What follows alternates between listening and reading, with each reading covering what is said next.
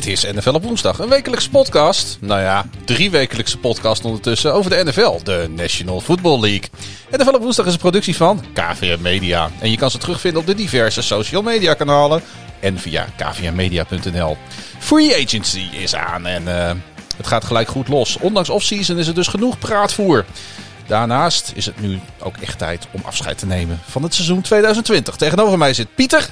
Hallo. Mijn naam is Klaas-Jan.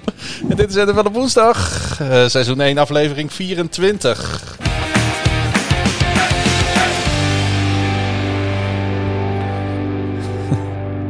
Heb je je microfoon nog niet eens klaarstaan? Ik, uh, ik, Het inschenken zit, van bier was weer belangrijker. ja, prioriteiten die, die moeten gesteld. Nee, ik zit, ik zit nog even een beetje mee te pielen. Dus als, als je wat raars hoort op de achtergrond, dan ben ik dat. Ja, staat hij goed? Volgens mij uh, moet het zo werken. Kunnen jullie me horen? ik uh, lees dat wel terug op uh, de social media. NFL op woensdag. Uh, ook leuk op donderdag. Is het, het is donderdag, hè? Ja, het is donderdag. Ja. We zouden opnemen op verkiezingsavond. Eigenlijk was het de bedoeling om om 9 uur even die exit poll te kijken en daarna gewoon die uh, recordknop in te drukken. Nou, het wordt nog spannend. Volgens mij zijn straks alle stemmen eerder geteld dan, uh, dan dat wij uitge gepodcast zijn. Ja, komt ook een beetje omdat er natuurlijk ongelooflijk veel uh, gebeurd is de afgelopen drie weken. We zouden eigenlijk vorige week opnemen. Tenminste, dat was ons plan. Om ook gewoon een beetje ons voor te bereiden op uh, free agency. Toen kwamen we in een lappenman terecht. Ja, want uh, hoe gaat het met jou? Nou ja, ik, ik, ik, ik kan weer zien. Ik had, ik had last van mijn oog. Ja, je had ergens een ontsteking, hè? Een, een hoornvliesontsteking. En uh, in tegenstelling tot wat je zou denken, is je hoornvlies, dat heeft niks met, uh, met je oren te maken. Mm -hmm. Dat ligt gewoon bovenop je oogbal. En uh, ja, er werd op Twitter uh, her en der als opgemerkt dat, uh, dat mensen, vooral die me wat langer volgen, die, die hebben al gelezen dat ik er allerhande roestige objecten door de jaren heen in mijn oogbal gepoerd heb. En blijkbaar uh, gaat een keer mis. is dat niet zo gezond. Dus ik zat afgelopen vrijdag bij, bij de oogdokter in het Martini ziekenhuis hier in stad. En uh, nou ja, dat was, uh, was, waren even wat, wat een onprettige periode, maar het gaat uh, stukken beter gelukkig nu. Ja, en ik had last van een flinke buikgriep, schuine streep voedselvergiftiging. Het is een, hangt een beetje in het midden wat het nou precies was. Maar uh, wat het ook was, het heeft uh, dezelfde gevolgen helaas. Namelijk dat ik gewoon vijf dagen lang op een uh, wc gezeten heb. En nu ben ik weer fit. Ja, nu, nu zijn we er weer. drinken we een biertje en dan uh, gaan we een beetje babbelen over de NFL, de National Football League. En uh, we zaten een beetje te stoeien hè, met ons format van hoe gaan we dit nou precies doen. Want uh, om nou 32 teams bij langs te gaan en dan op te gaan noemen wat er precies gebeurd is, dat is een beetje saai. Ja, en het, we dachten ook het wordt heel lang, maar ik geloof dat we nu alsnog ook heel lang uh, wat gaan, gaan doen. Nou, ik, uh, misschien wel goed om even een beetje uit te tekenen hoe we dit gaan aanpakken. Wat er nou allemaal gebeurd is. Uh, allereerst hebben we de keuze gemaakt om allebei mogen we zo meteen een schot voor de boeg geven. Dus een team of een speler uh, waar we het gewoon even over willen hebben, omdat het ons opgevallen is. Daarna gaan we om en om drie goede signings of trades of re-signings bespreken. Dus jij mag de drie noemen en ik mag de drie noemen. Daarna gaan we zes minder goede trades in onze ogen benoemen. Ik ook weer drie. En jij ook weer drie. Nou, ik heb wel ideeën daarover al, ja. En um, tussendoor hebben we een biertopper. Uh, we hebben een uh, volgens mij geweldige Who's That Man. Want uh, ja, mensen luisteren natuurlijk ook voor deze fantastische programma. Het is, ja, het is weer een, een, een, een, een verhaal. En we gaan voorspellen. Er zijn natuurlijk geen wedstrijden. maar we gaan wel voorspellen waar de, volgens ons top 5 free agency spelers eventueel kunnen landen in de league. Nou, zo ja. gaat het er een beetje uitzien. Uh, het komende, de komende vier uur. en, uh, ik, ik moet nog even wat oogdruppels in. Dat zou ik doen voordat we begonnen met opnemen. Dan ben ik vergeten. En anders duurt dat weer te lang. Maar dan moet eigenlijk iedere twee uur. Ja, we zijn wandelende wrakken wat dat betreft. Dus als jij uh, begint zometeen met jouw schot voor de boeg. Dan ga ik nog even wat, wat, wat antibiotica in mijn oogbal gooien. Oké, okay, laat ik inderdaad dan uh, beginnen met, uh, met mijn schot voor de boeg. En ik wou het gewoon hebben over de Super Bowl winnaar. de Tampa Bay Buccaneers. Want ehm, eh, weet je nog dat de Buccaneers eh, hun eh, Super Bowl parade deden? En dat in een dronken bui iedereen naar elkaar schreeuwde van... ja, volgend jaar zien we elkaar weer. En jij komt terug en jij komt we blijven terug. bij elkaar. We blijven bij elkaar.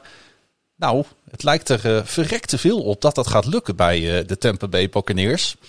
Ze hebben een aantal spelers hebben ze opnieuw eh, binnengehaald. Eh, laten we er eens even een paar uitpakken. Te beginnen met Chris Godwin. Daarvoor hebben de Buccaneers namelijk hun eh, franchise tag gebruikt. Eh, de wide receiver. En dat kost de Bucks eh, best wel veel geld. 16,5 miljoen. Franchise tags zijn niet goedkoop.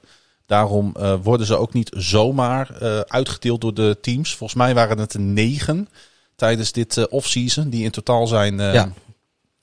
Zijn, eh, zijn eh, uitge, hoe noem je dit? uitgereikt, bedacht, Ja, opge- spelers- opgelegd, Ja, zou ik bijna willen zeggen. En, en ook al staat er eh, best veel geld tegenover, spelers zijn over het algemeen ook niet zo happig om getagd te worden. Want het is Want, natuurlijk één jaar, je hebt geen zekerheid. Als je, zag, je zag Want wat, wat, met wat, Prescott wat is een franchise tag voor de mensen die dat niet weten?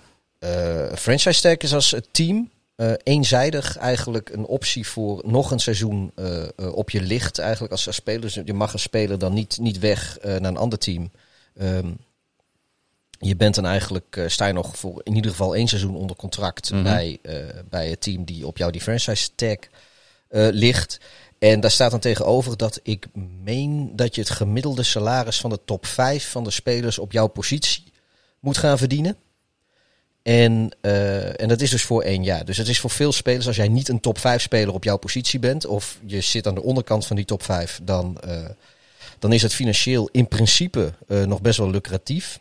Maar eh, je hebt natuurlijk geen enkele zekerheid, want daarna, eh, ja, je moet alsnog weer een langjarige deal gaan uitonderhandelen met je eigen team of een ander team. Ja.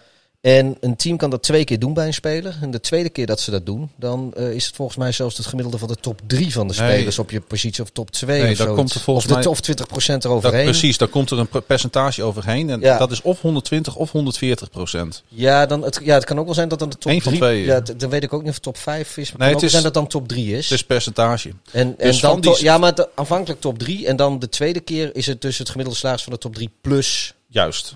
Ja. Maar ja, of het nou top 3 of top 5 is. Ik dacht top 5, maar top 3 dat klinkt me in één keer ook heel bekend in de oren. Maar in ieder geval van de topverdieners eh, in de league op jouw positie. Nou ja, eh, zij legde dus eh, de Tampa Bay Buccaneers de franchise tag op wide receiver Chris Godwin. En toen dacht ik gelijk van, hey, dan kunnen ze hem dus niet gebruiken voor outside linebacker Shaquille Barrett. Want die was vorig jaar, werd hij gefranchise tag door de Tampa, Tampa Bay Buccaneers. Uh-huh. Ehm, maar die is ook weer ge-re-streepje signed. Niet te verwarren met resigned. Ja, Dus- dus, je hebt die bijgetekend. Bijgetekend in plaats niet, van eh, niet- ontslagen. geen, niet geen ontslag genomen. Dus die hebben ze ook gewoon binnengehaald. Ehm ehm, Shaquille Barrett dus. Ja, eh, je zou gewoon kunnen stellen, Tampa heeft er, eh, doet er op dit moment alles aan om hun sterkhouders te behouden. En ja, ik denk dat Shaquille Barrett eh, van levensbelang is voor de, voor de, eh, voor de Buccaneers om, om ook volgend jaar weer goed te presteren. Geweldige edge rusher, eh, getekend voor vier jaar, 72 miljoen dollar. In 2019 noteerde hij nog een league leading 19,5 sacks. Ehm, afgelopen regulier seizoen 11,5, maar hij speelde wel een hele belangrijke rol in de playoffs met vier sacks. Dat kan iedereen zich waarschijnlijk nog wel herinneren. En hij gaat eh, gemiddeld, om dat even te plaatsen, want we, we strooien misschien iets veel met getallen deze podcast, maar we gaan het ook proberen in perspectief te zetten. Gemiddeld gaat Barrett 18 miljoen dollar per jaar verdienen bij de Tampa Bay Buccaneers. En hij valt daarmee net buiten de top 4 op zijn positie. De grootverdiener is Khalil Mack. Die pakt 23,5 miljoen per jaar. Daarna komt de Marcus Lawrence, 21 miljoen. Heeft, Clark, nu heeft Mac volgens mij, eh, ze zijn wel bezig met her- herstructureren van zijn contract als dat niet al gebeurd is. kan Maar het dat, bijna niet eh, anders natuurlijk. Hè? Maar goed, dat, dat, Daarna dat komt eh, Frank Clark, daarna komt Von Miller en daarna komen Trey Flowers en Barrett. Dus hij zit nu in die groep. Dus hij eh, behoort tot de absolute top rushers, denk ik, in de, in de league. En dat heeft hij ook aangetoond. ja. Ehm, En wat ik verder ook wel leuk vond, was eh, dat eh, Rob Gronkowski nog een jaar eh, te bewonderen is in Tampa. Ja, gaat ook gewoon weer door. Hè? Ja, en die, gaat, die pakt gewoon nog even met een jaartje voetbal, pakt hij gewoon nog even 10 miljoen dollar mee. Hij is nu 31 jaar en ja, we kennen hem natuurlijk van zijn eerste negen seizoenen bij de New England Patriots, waar hij driemaal een Super Bowl won. hij is vijfvoudig Pro Bowler, viervoudig First Team All Pro. Ja, een geweldenaar en een, uh, en een absoluut... Uh...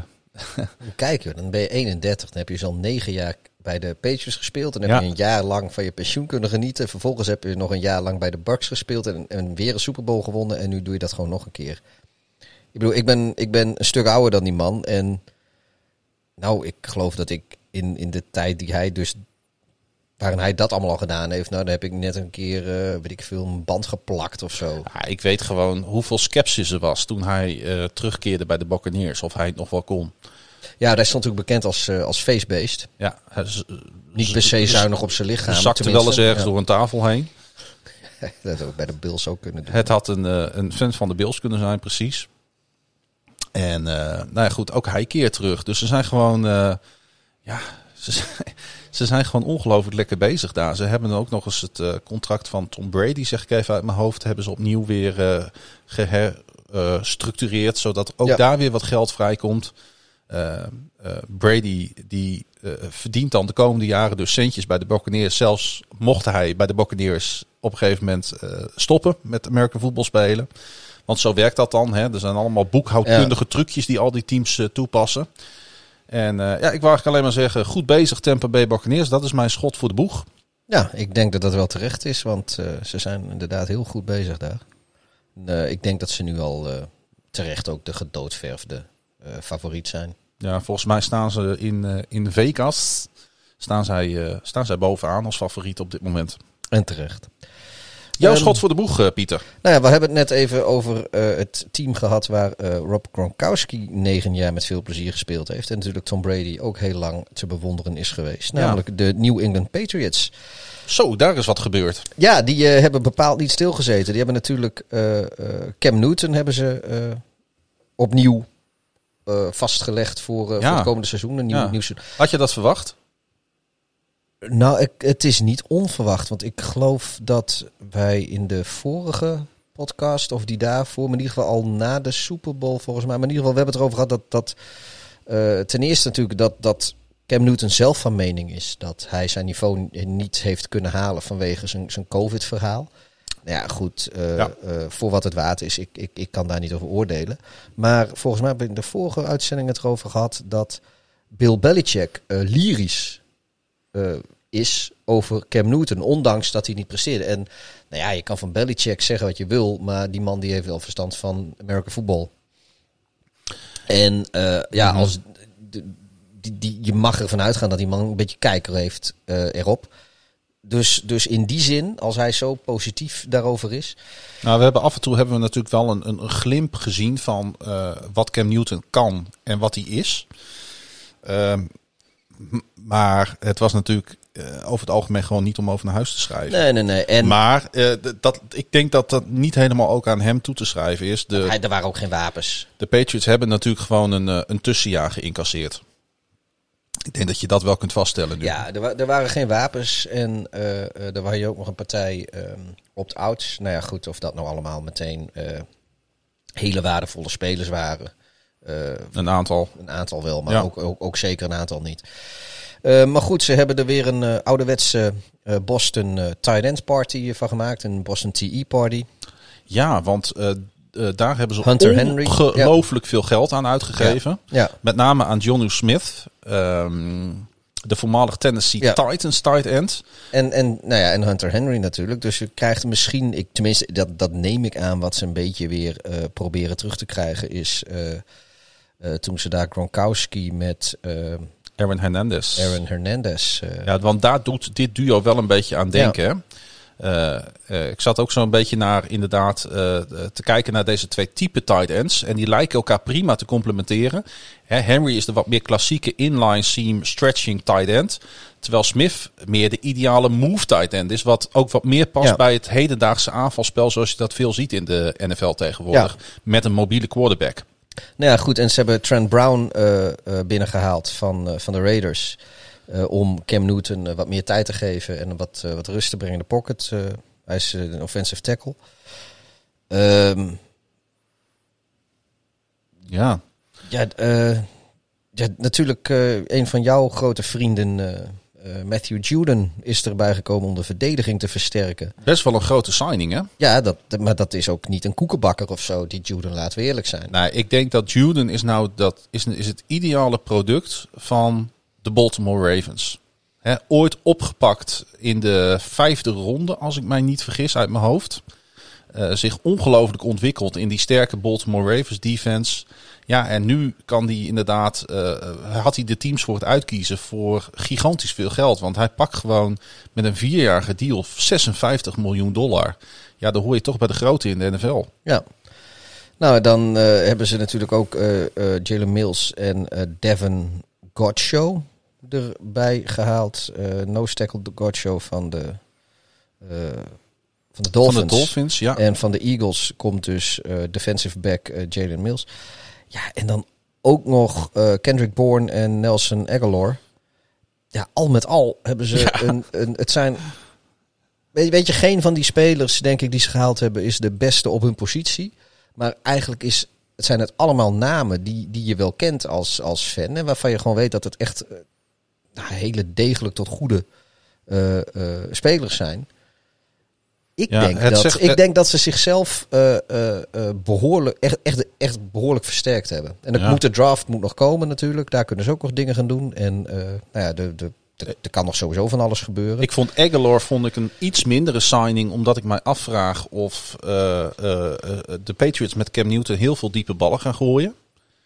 ja, maar ja, aan de andere kant... Aan de andere eh, kant ik hebben ze geïnvesteerd of- in twee geweldige tight ends. Ja, En daar kan hij natuurlijk wel wat mee. ja, en daar, maar ja, en, en daar kan Aguilar ook van... Kijk, ik weet niet of Aguilar er nou alleen maar staat om, om, om de hele diepe ballen te doen. Misschien dat ze dat dat voor de intermediate routes. Ik, weet het is- je, het weet is- je, het is, het is Aguilar is natuurlijk ook niet, niet een topreceiver of zo. Nou ja, hij, Eh, had een, eh, hij, hij had vorig jaar bij de eh, Las Vegas Raiders had hij een prove-it deal ter waarde van 1 miljoen dollar. Nou, die heeft hij met eh, beide handen aangegrepen, letterlijk. Aangezien zijn drops het grootste probleem waren in Philadelphia. Hij liet ongeveer iedere bal liet hij, eh, liet hij los. Ja, het handen van steen eh, leek het wel Dat was ongelooflijk, zeker gezien het jaar daarvoor. Maar bij de Raiders was hij de meest effectieve wideout op het roster. In de 16 wedstrijden die hij speelde, scoorde hij in 8 een touchdown. En daarmee even, even naderde hij weer zijn career high. Dus je zou wel kunnen zeggen, hij was weer helemaal terug van weg geweest. Ja, en, maar zijn, zijn, zijn terug van weg geweest is, is nog steeds dat je, dat je een absolute topreceiver bent. Maar Nee, je, dat, je dat bent een. Nee, maar je bent gewoon een, een hele degelijke receiver. Ja. En inderdaad, als je eh, twee van zulke tight ends hebt staan. Ja, je, di- dit zijn weer, weet je, dat, laat dat maar weer aan Belichick over zo. Dat, dit, is gewoon, dit zijn spelers, daar kun je mee gebruik maken van mismatches. En, en dat, dat is waar, waar, waar, waar, waar, je wel wat aan hem hebt. Kijk, je moet hem niet gaan nemen als receiver om jouw offense te dragen. Ze hebben bij elkaar opgeteld natuurlijk wel ongelooflijk veel geld al uitgegeven. Ja, maar ze had natuurlijk ook heel veel geld over. Ja. Of nou ja, ja, ja, Ze konden het uitgeven. ja. Eh, nog even, he- even terug naar, naar, naar, naar dat contract. Want waar moeten we dat dan plaatsen? Zo'n John Smith. Vier jaar, 50 miljoen dollar voor een tight end. Eh, daarmee zit hij dus in, staat hij in het rijtje George Kittle, Travis Kelce. Vind je dat hij dat waard is? Nee. Nou ja, Dat, ehm, dat is eh, toch, is hij, hij is toch wel lichtelijk overpaid, zou je zeggen. ik, dan moet ik even, ik weet niet wanneer Kittel en Kelsey eh, hun contracten aangegaan zijn. Kijk, als dat twee, drie seizoenen terug is. Kijk, de cap is nu wel Ongeveer, gezakt. Maar eh, ehm, ja, weet je, eh, ik, we hebben het er wel eens vaker over gehad. Ik weet volgens mij niet in de podcast, maar wel Mhm. onderling. Ik, ik, eigenlijk vind ik niet, je kan niet eh, nummers eh, zo één op één met elkaar vergelijken wat betreft bedragen in contracten. Ja. Je moet eigenlijk, vind ik, kijken naar hoeveel procent van de cap een speler verdient in een, in een bepaald jaar. Daar heb je gelijk. in. En want, want dat is denk ik een eerlijker vergelijken. Dan kun je ook over verschillende seizoenen met verschillende cap eh eh, gaan vergelijken. Maar gezien het feit dat de cap lager is en hij geen Kittle of Kelsey is. eh, En in, de zou- en in de wetenschap dat Hunter Henry ook nog eens 37,5 miljoen dollar, waarvan Zou- 25 ja. miljoen gegarandeerd krijgt. Zou je kunnen zeggen dat, dat, dat Smith niet moet klagen over zijn verdiensten in New England? Alrighty. Dan is het tijd voor. eh,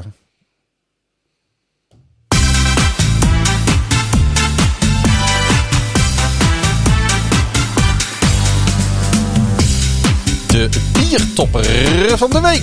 Week, week, week, pa, pa, pa, pa. Daar is hij weer. en het zijn eigenlijk drie eh, biertoppers eh, deze keer. Doe maar. Ik heb zij, ik heb, het was mijn voorstel. Ik heb ze gegeven, de biertoppers van de week, aan Patrick Mahomes, Travis Kelce en eh, Chris Jones. Ik was eh, vorige week, eh, denk ik, iets te snel met een tweet die ik stuurde over Patrick Mahomes. Want, weet je, ik, ik heb wel eens moeite met Daar werd jij ook behoorlijk op terecht gewezen. Ja, Nou, nou, ja, terecht terecht gewezen in ieder geval. Je werd, je werd er wel op gewezen dat inderdaad misschien iets te, iets te vlug... Het was eh, iets te vlug getweet, omdat ik gewoon... eh, ik, heb groot, ik, heb, eh, ik heb grote moeite toch wel met die, met die hele grote contracten in NFL. Ja, ik ook. Dat, Dat, staat eh, gewoon niet op mijn bankrekening? Laten we eerlijk zijn. Wordt daar... eh, ik, ik, doe veel betere dingen met Ik wil niet zeggen dat ik er onpasselijk van word, want het is nou eenmaal de realiteit. Maar eh, het, het slaat natuurlijk helemaal nergens op waar het al af en toe over gaat. Eh, maar de Chiefs hebben de contracten van Mahomes, zoals mensen op Twitter al voorspelden in mijn richting, Kelsey en Chris Jones weten te herstructureren. En door die wijzigingen starten de Chiefs met ongeveer 20 miljoen dollar aan cap room. En dat is een groot probleem gehad. Ehm, ja, en je kunt met terugwerkende kracht natuurlijk ook wel zeggen dat toen de Chiefs Mahomes vastlegden voor 10 jaar en die 450 miljoen dollar, hè, dat mega bedrag eh, waar iedereen het toen over had, eh, was dat natuurlijk ook met het idee dat zo'n contract een stuk flexibiliteit met zich mee zou brengen. Nou, dat is uitgekomen. Ehm, en geld is hard nodig, want er moet in Kansas City natuurlijk nogal wat gebeuren. En daarom eh, zijn deze drie toppers, want het zijn er natuurlijk al, bij deze biertopper van de week. Nou, ze, ze, ze, ze volgen wat dat betreft een beetje het voorbeeld natuurlijk van Tom Brady, die dat ook jaren heeft gedaan. Kijken van wat, hoe kan ik nog steeds bewegen, doet, ja. nog steeds doet. En hoe kan ik ervoor zorgen dat ik in een succesvol team speel. Kijk, maar nu is het natuurlijk wel zo. Ah, kijk, weet je, dat soort bedragen, dan eh, is het ook niet zo dat je in één keer je kinderen honger gaan krijgen omdat, omdat jij wat geld inlevert op je werk. Maar Mhm. eh, kijk, bij Brady was het natuurlijk ook altijd zo dat hij, Brady werkt eigenlijk voor zijn zakgeld. Want het huishouden wordt beko- bekostigd door eh, Giselle Bun, die, die is daar de kostwinner. Door de, door de vrouw des Dat, huizes. dat- ja, dat, eh, dat, zo geëmancipeerd is, is Brady wel. Dus ja, dan, dan, dan Het geld moet daar wel tegen de plint omhoog klotsen bij, eh, bij de Brady Bunchen eh, family. Nou ik, ik, ik kan me ook voorstellen dat als je vrouw een topmodel geweest is, dat ze een dure smaak heeft wat kleren betreft. Eh, die zijn dat gewend, hè, die couture en zo. Dan dat, eh, die gaat echt niet naar de uitverkoopbak van H&M. We gaan eens even kijken naar, we gaan eens even kijken naar de moves zoals die de afgelopen weken hebben plaatsgevonden. Ehm, we gaan er zes benoemen die we goed vinden, om en om. En jij mag aftrappen met, met de eerste van jouw drie goede moves. Eh, de Dallas Cowboys die eh Dak Prescott vastgelegd hebben voor, eh, voor een langere tijd. Ja, vierjarig contract ter waarde van 160 miljoen dollar. Ja, dat, alsof je een leeg gooit. Ja, 126 miljoen dollar daarvan is gegarandeerd. Ehm, de deal is technisch voor zes jaar, zodat het niet al te veel op de salary cap drukt. Daar hebben we het weer, het slimme boekhouden in de NFL. Eh, en de tekenbonus, want dat is misschien wel leuk om het toch even over te hebben, voor Prescott is 66 miljoen dollar. Dat staat dus, eh, nou, gewoon Ja, deze week op de rekening. Puur alleen omdat hij een handtekening onder een contract heeft gezet. En eh, heb jij enig idee hoe we die tekenbonus van 66 miljoen dollar in perspectief moeten plaatsen? Ehm, nou ja, het is volgens mij de, de hoogste signing bonus ooit. Nou, dat is dus het perspectief. Ehm, met een miljoen verslaat hij Russell Wilson. Die eh, kreeg destijds 65 miljoen. Ja, Eh, Zijn er nog andere Ro- spelers in Aaron dat Rodgers rijtje? 57,5. eh Matthew Stafford 50. Matt Ryan 56,5. Dan, 46,5. of ja. sorry, ja. En eh, dan hebben we natuurlijk Joe Flacco. Wordt hij toch weer even genoemd. Is hij er weer even bij in de podcast. En dan uh, wordt het rijtje... Elite spelers die verdienen ook elite geld, hè? Compleet gemaakt door een niet-quarterback. En dat is uh, Aaron Donald. Die kreeg ook 40 miljoen toen hij zijn contract tekende. Nee. Die signing bonussen, die worden volgens mij evenredig uh, verdeeld over de contractperiode. geloof ik. Hè? Dus als het 66 miljoen is voor zes jaar, dan is het dus 11 miljoen per jaar op de cap voor wat betreft die signing bonus, of vergis ik me daarin? Ja, ik dacht dus dat die signing bonussen helemaal niet meetellen in de cap. Dat daar dus de crux zit van het van, van ja, slim of, schuiven of met, het, uh, ja, met of het is zo dat op het moment dat ze um, van hem af willen, dat, dat hij dan uh, evenredig op de cap erbij gezet was als dead ja, money. Precies. Dat is het. Maar, en vooralsnog tellen tekenbonussen niet mee in je, in je cap space. En die komen ook gewoon letterlijk uit de zak van de eigenaar. Ja, ten, tenzij het contract inderdaad niet... Uh, niet uit gaat dienen. Um, ja, precies. Um, de salary cap number voor dit seizoen voor Prescott is in ieder geval nu 22,2 miljoen dollar. En dat was, als er niet uh, dit contract overeengekomen was, 37,7 miljoen geweest. Die een, want die dat, was, want dat ja. was dan het gevolg geweest, een franchise tag met zich meegebracht. Ja, kijk, en, hier dus daar is al een besparing van 15 miljoen dollar voor ja, de Cowboys. hier heeft iedereen gewonnen. Kijk, want, want Prescott die is natuurlijk geblesseerd geraakt in een seizoen dat hij speelde onder de tag. Um, uh, Ze hebben natuurlijk allebei een spelletje gespeeld. Hè? Ja, maar kijk, Prescott die is denk ik uh, best wel dicht bij een carrière beëindigende blessure geweest. Ja. En uh, dat was gewoon klaar. Kijk, als hij nu met dit contract op zak. Uh, we mogen natuurlijk hopen dat het alsjeblieft nooit gebeurt. Maar als hij nu weer iets soortgelijks overkomt en het loopt. en hij kan niet meer revalideren, Mhm. mm -hmm. terugkomen. Ja, weet je, dat gegarandeerde geld, dat komt gewoon. Ja. Hij, dat, dat, dat, dat speelt toch lekkerder.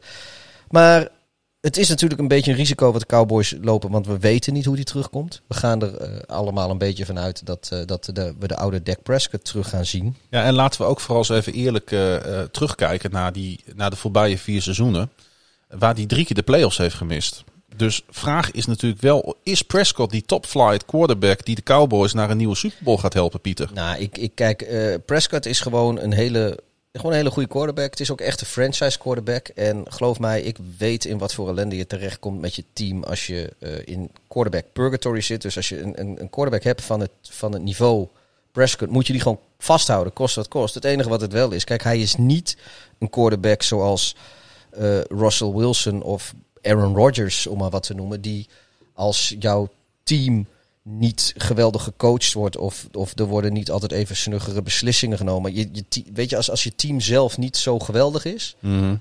dan gaat Prescott jou niet een diepe playoff run geven. Maar uh, kijk, en dat doet bijvoorbeeld een, Wilson of een Rodgers kunnen dat wel. Die kunnen gewoon een heel team op de schouders nemen, een hele franchise. En die zeggen van ja, weet je, het interesseert hem eigenlijk geen reet wat jullie verder doen. Want hoe vaak hebben we wel niet gezegd dat er bij Rodgers eigenlijk geen donder uitmaakt wie zijn receivers zijn. Die bal komt er toch wel. Ja, precies. En, en uh, kijk, ik heb ook wel vaak gezegd dat, dat Rodgers heeft maar één Super Bowl gespeeld en gewonnen met, Mhm. mm -hmm. met Green Bay. En dat is uh, van de huidige generatie spelers is misschien wel de grootste schande. Nog even terug naar... Maar, maar dat, dat is Prescott natuurlijk niet. Maar Nee. dat maakt niet uit. Maar ja, kijk, als, als de Cowboys die kunnen makkelijk Super Bowls winnen met Dak Prescott. Daar is Prescott goed genoeg voor. Maar je moet er wel voor zorgen dat die man uh, uh, de wapens en de ondersteuning Nou ja. heeft die, die, die, die, om dat mogelijk te maken. De Cowboys, hebben, de Cowboys hebben dat redelijk voor elkaar. Ze hebben CD Lamp en ze hebben Blake Jarwin. Hun belangrijkste wide receiver en tight end hebben ze nu vastleggen tot einde 2023. Prescott zelf en Mary Cooper, de wide receiver, tot einde seizoen 2024. En Ezekiel Elliott tot einde seizoen 26. Dus hij mag niet klagen dat hij geen, uh, geen, geen, e geen elite spelers om zich heen heeft staan de komende kijk, twee jaar. Nee, maar kijk, zoals de, de, het vorige seizoen, de wedstrijd die hij wel speelde, klapte hij toch ook steeds om en bij de 40 punten op het bord. Dat was geen enkel probleem. Het, ja, zijn verdediging gaf altijd net wat meer punten weg, weet je. Die gaf altijd één of twee punten meer weg. Dan was, was wel leuk om naar te kijken. Ja, als zet Prescott 38 punten op bord, geeft Ja. de verdediging de 40 weg. Gooit hij 41 punten op bord, geeft de verdediging de 43 weg. Dus dat, dus weet je, Prescott die kan, het, die kan echt wel een balletje gooien. En met, met deze wapens moet hij ook echt wat kunnen. Het, eh, het is zaak dat, eh, dat ze in, eh, in Dallas een verdediging op weer op gaan tuigen. Die, die eh, behoorlijk wat minder punten weggeeft dan dat de offense er, er kan maken. Weet je, overigens helemaal een sidestep. Hè? Maar ik vind dat ongelooflijk grappig hoe het kan lopen in de NFL. De Cowboys die kozen Prescott ooit in de vierde ronde van de 2016 draft. Ehm, hij was in die ronde, moet je even nagaan, hè, niet eens de eerste keus van de Cowboys. Prescott werd namelijk gekozen met een compensatiepick op eh, 135 overall. En het eh, grappige was dat zij, eh, eh, de, de Cowboys, eerder in die draft eigenlijk voor Paxton Lynch wilden gaan. Ik weet niet of die naam je nog wat zegt. Bij de Broncos eh, heeft hij zich toch een paar keer eh, geblameerd. Die heeft vier keer uiteindelijk in de basis gestaan bij de Denver Broncos. En dat was dus de eerste keus van de, van de Cowboys. Dat geeft ook maar weer eens aan hoe moeilijk het is om carrière te maken in de NFL. Hij is in de eerste ronde toen gegaan. We horen nooit meer wat van hem. Hij is officieel nog free agent trouwens. Mocht iemand belang bij hem hebben. Nou, misschien ook wel wat voor Chicago. ja, dat wordt wel de, de, de, running gag, denk ik, hè, de komende offseason. En ehm, ehm, ehm, Prescott, ja, dat was eigenlijk ook maar een gok. En here we are, jaren Ja. later. Nee, maar kijk, dat, dat, dat, ja, je kan verderop in de draft kun je echt geweldige quarterbacks oppikken. Nou, dat blijkt dus. Russell Wilson kwam ook in de derde ronde, als ik, als ik me goed herinner. Ja, Tom Brady is natuurlijk het allerbekendste voorbeeld op 199. En dat, eh, Nou goed, even een sidestep. Ik vond, eh, omdat ik dat, eh, ja, we hebben het nu, het is off-season, dus we kunnen het af en toe iets uitgebreider over bepaalde spelers hebben. Laten we gaan naar mijn eh, eerste... ja, wie is jouw eh, eh, top goede move? Nou, ik moet wel zeggen dat alle moves zijn in eh, willekeurige volgorde. Dus het is niet zo dat wat ik nu noem dat mijn eh, topmove is. Maar ik wil even stilstaan bij Bud Dupree. But Dupree. Ehm, want de Titans en Bud Dupree zijn tot een eh, mooie deal gekomen... waarmee de voormalig Steelers linebacker meer dan 16 miljoen dollar per jaar gaat verdienen. De Titans waren natuurlijk ongelooflijk op zoek naar iemand die heerst on the edge, zoals dat zo mooi heet. Maar Dupree is een ongelooflijk veelzijdige speler. Ik volg de Titans natuurlijk, of de, sorry, de Steelers natuurlijk best wel intensief, omdat ze in de divisie met mijn Ravens zitten. Hij kan ook prima uit de voeten als down lineman in, eh, in nickel packages.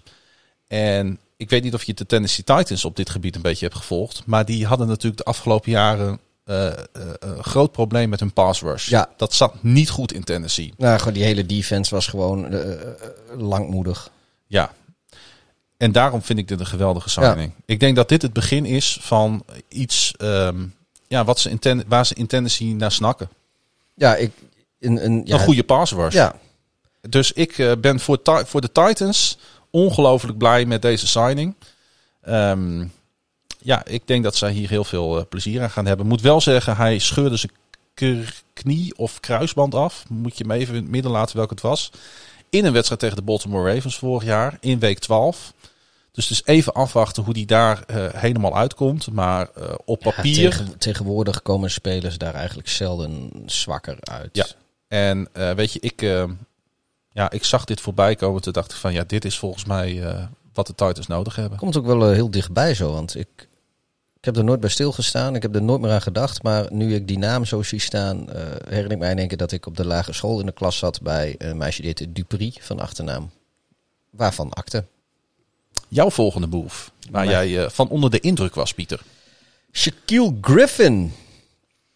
Ja, die gaat volgens mij Die gaat eh, naar de Jaguars. Jacksonville. En Ja. die, komt, eh, die komt van de Seattle Seahawks. En ehm, ja, dat, we kijken, we hebben natuurlijk, wat is het, twee jaar terug in de draft hebben we zijn broertje gezien. Die, eh, die ook gedraft werd volgens mij door de Seahawks. eh, Ja. Wat, wat zo'n feel-good verhaal was. eh, want die, Die miste iets, iets, iets, mij- iets van ledematen. ja, die mist een, een hand of zo. Of, of is, ik, ik weet het al niet eens meer precies. Maar die, ja, volgens mij mist hij een, een stukje van zijn onderarm. Met, en dat is dan, vaak zit je hand daar dan aan vast.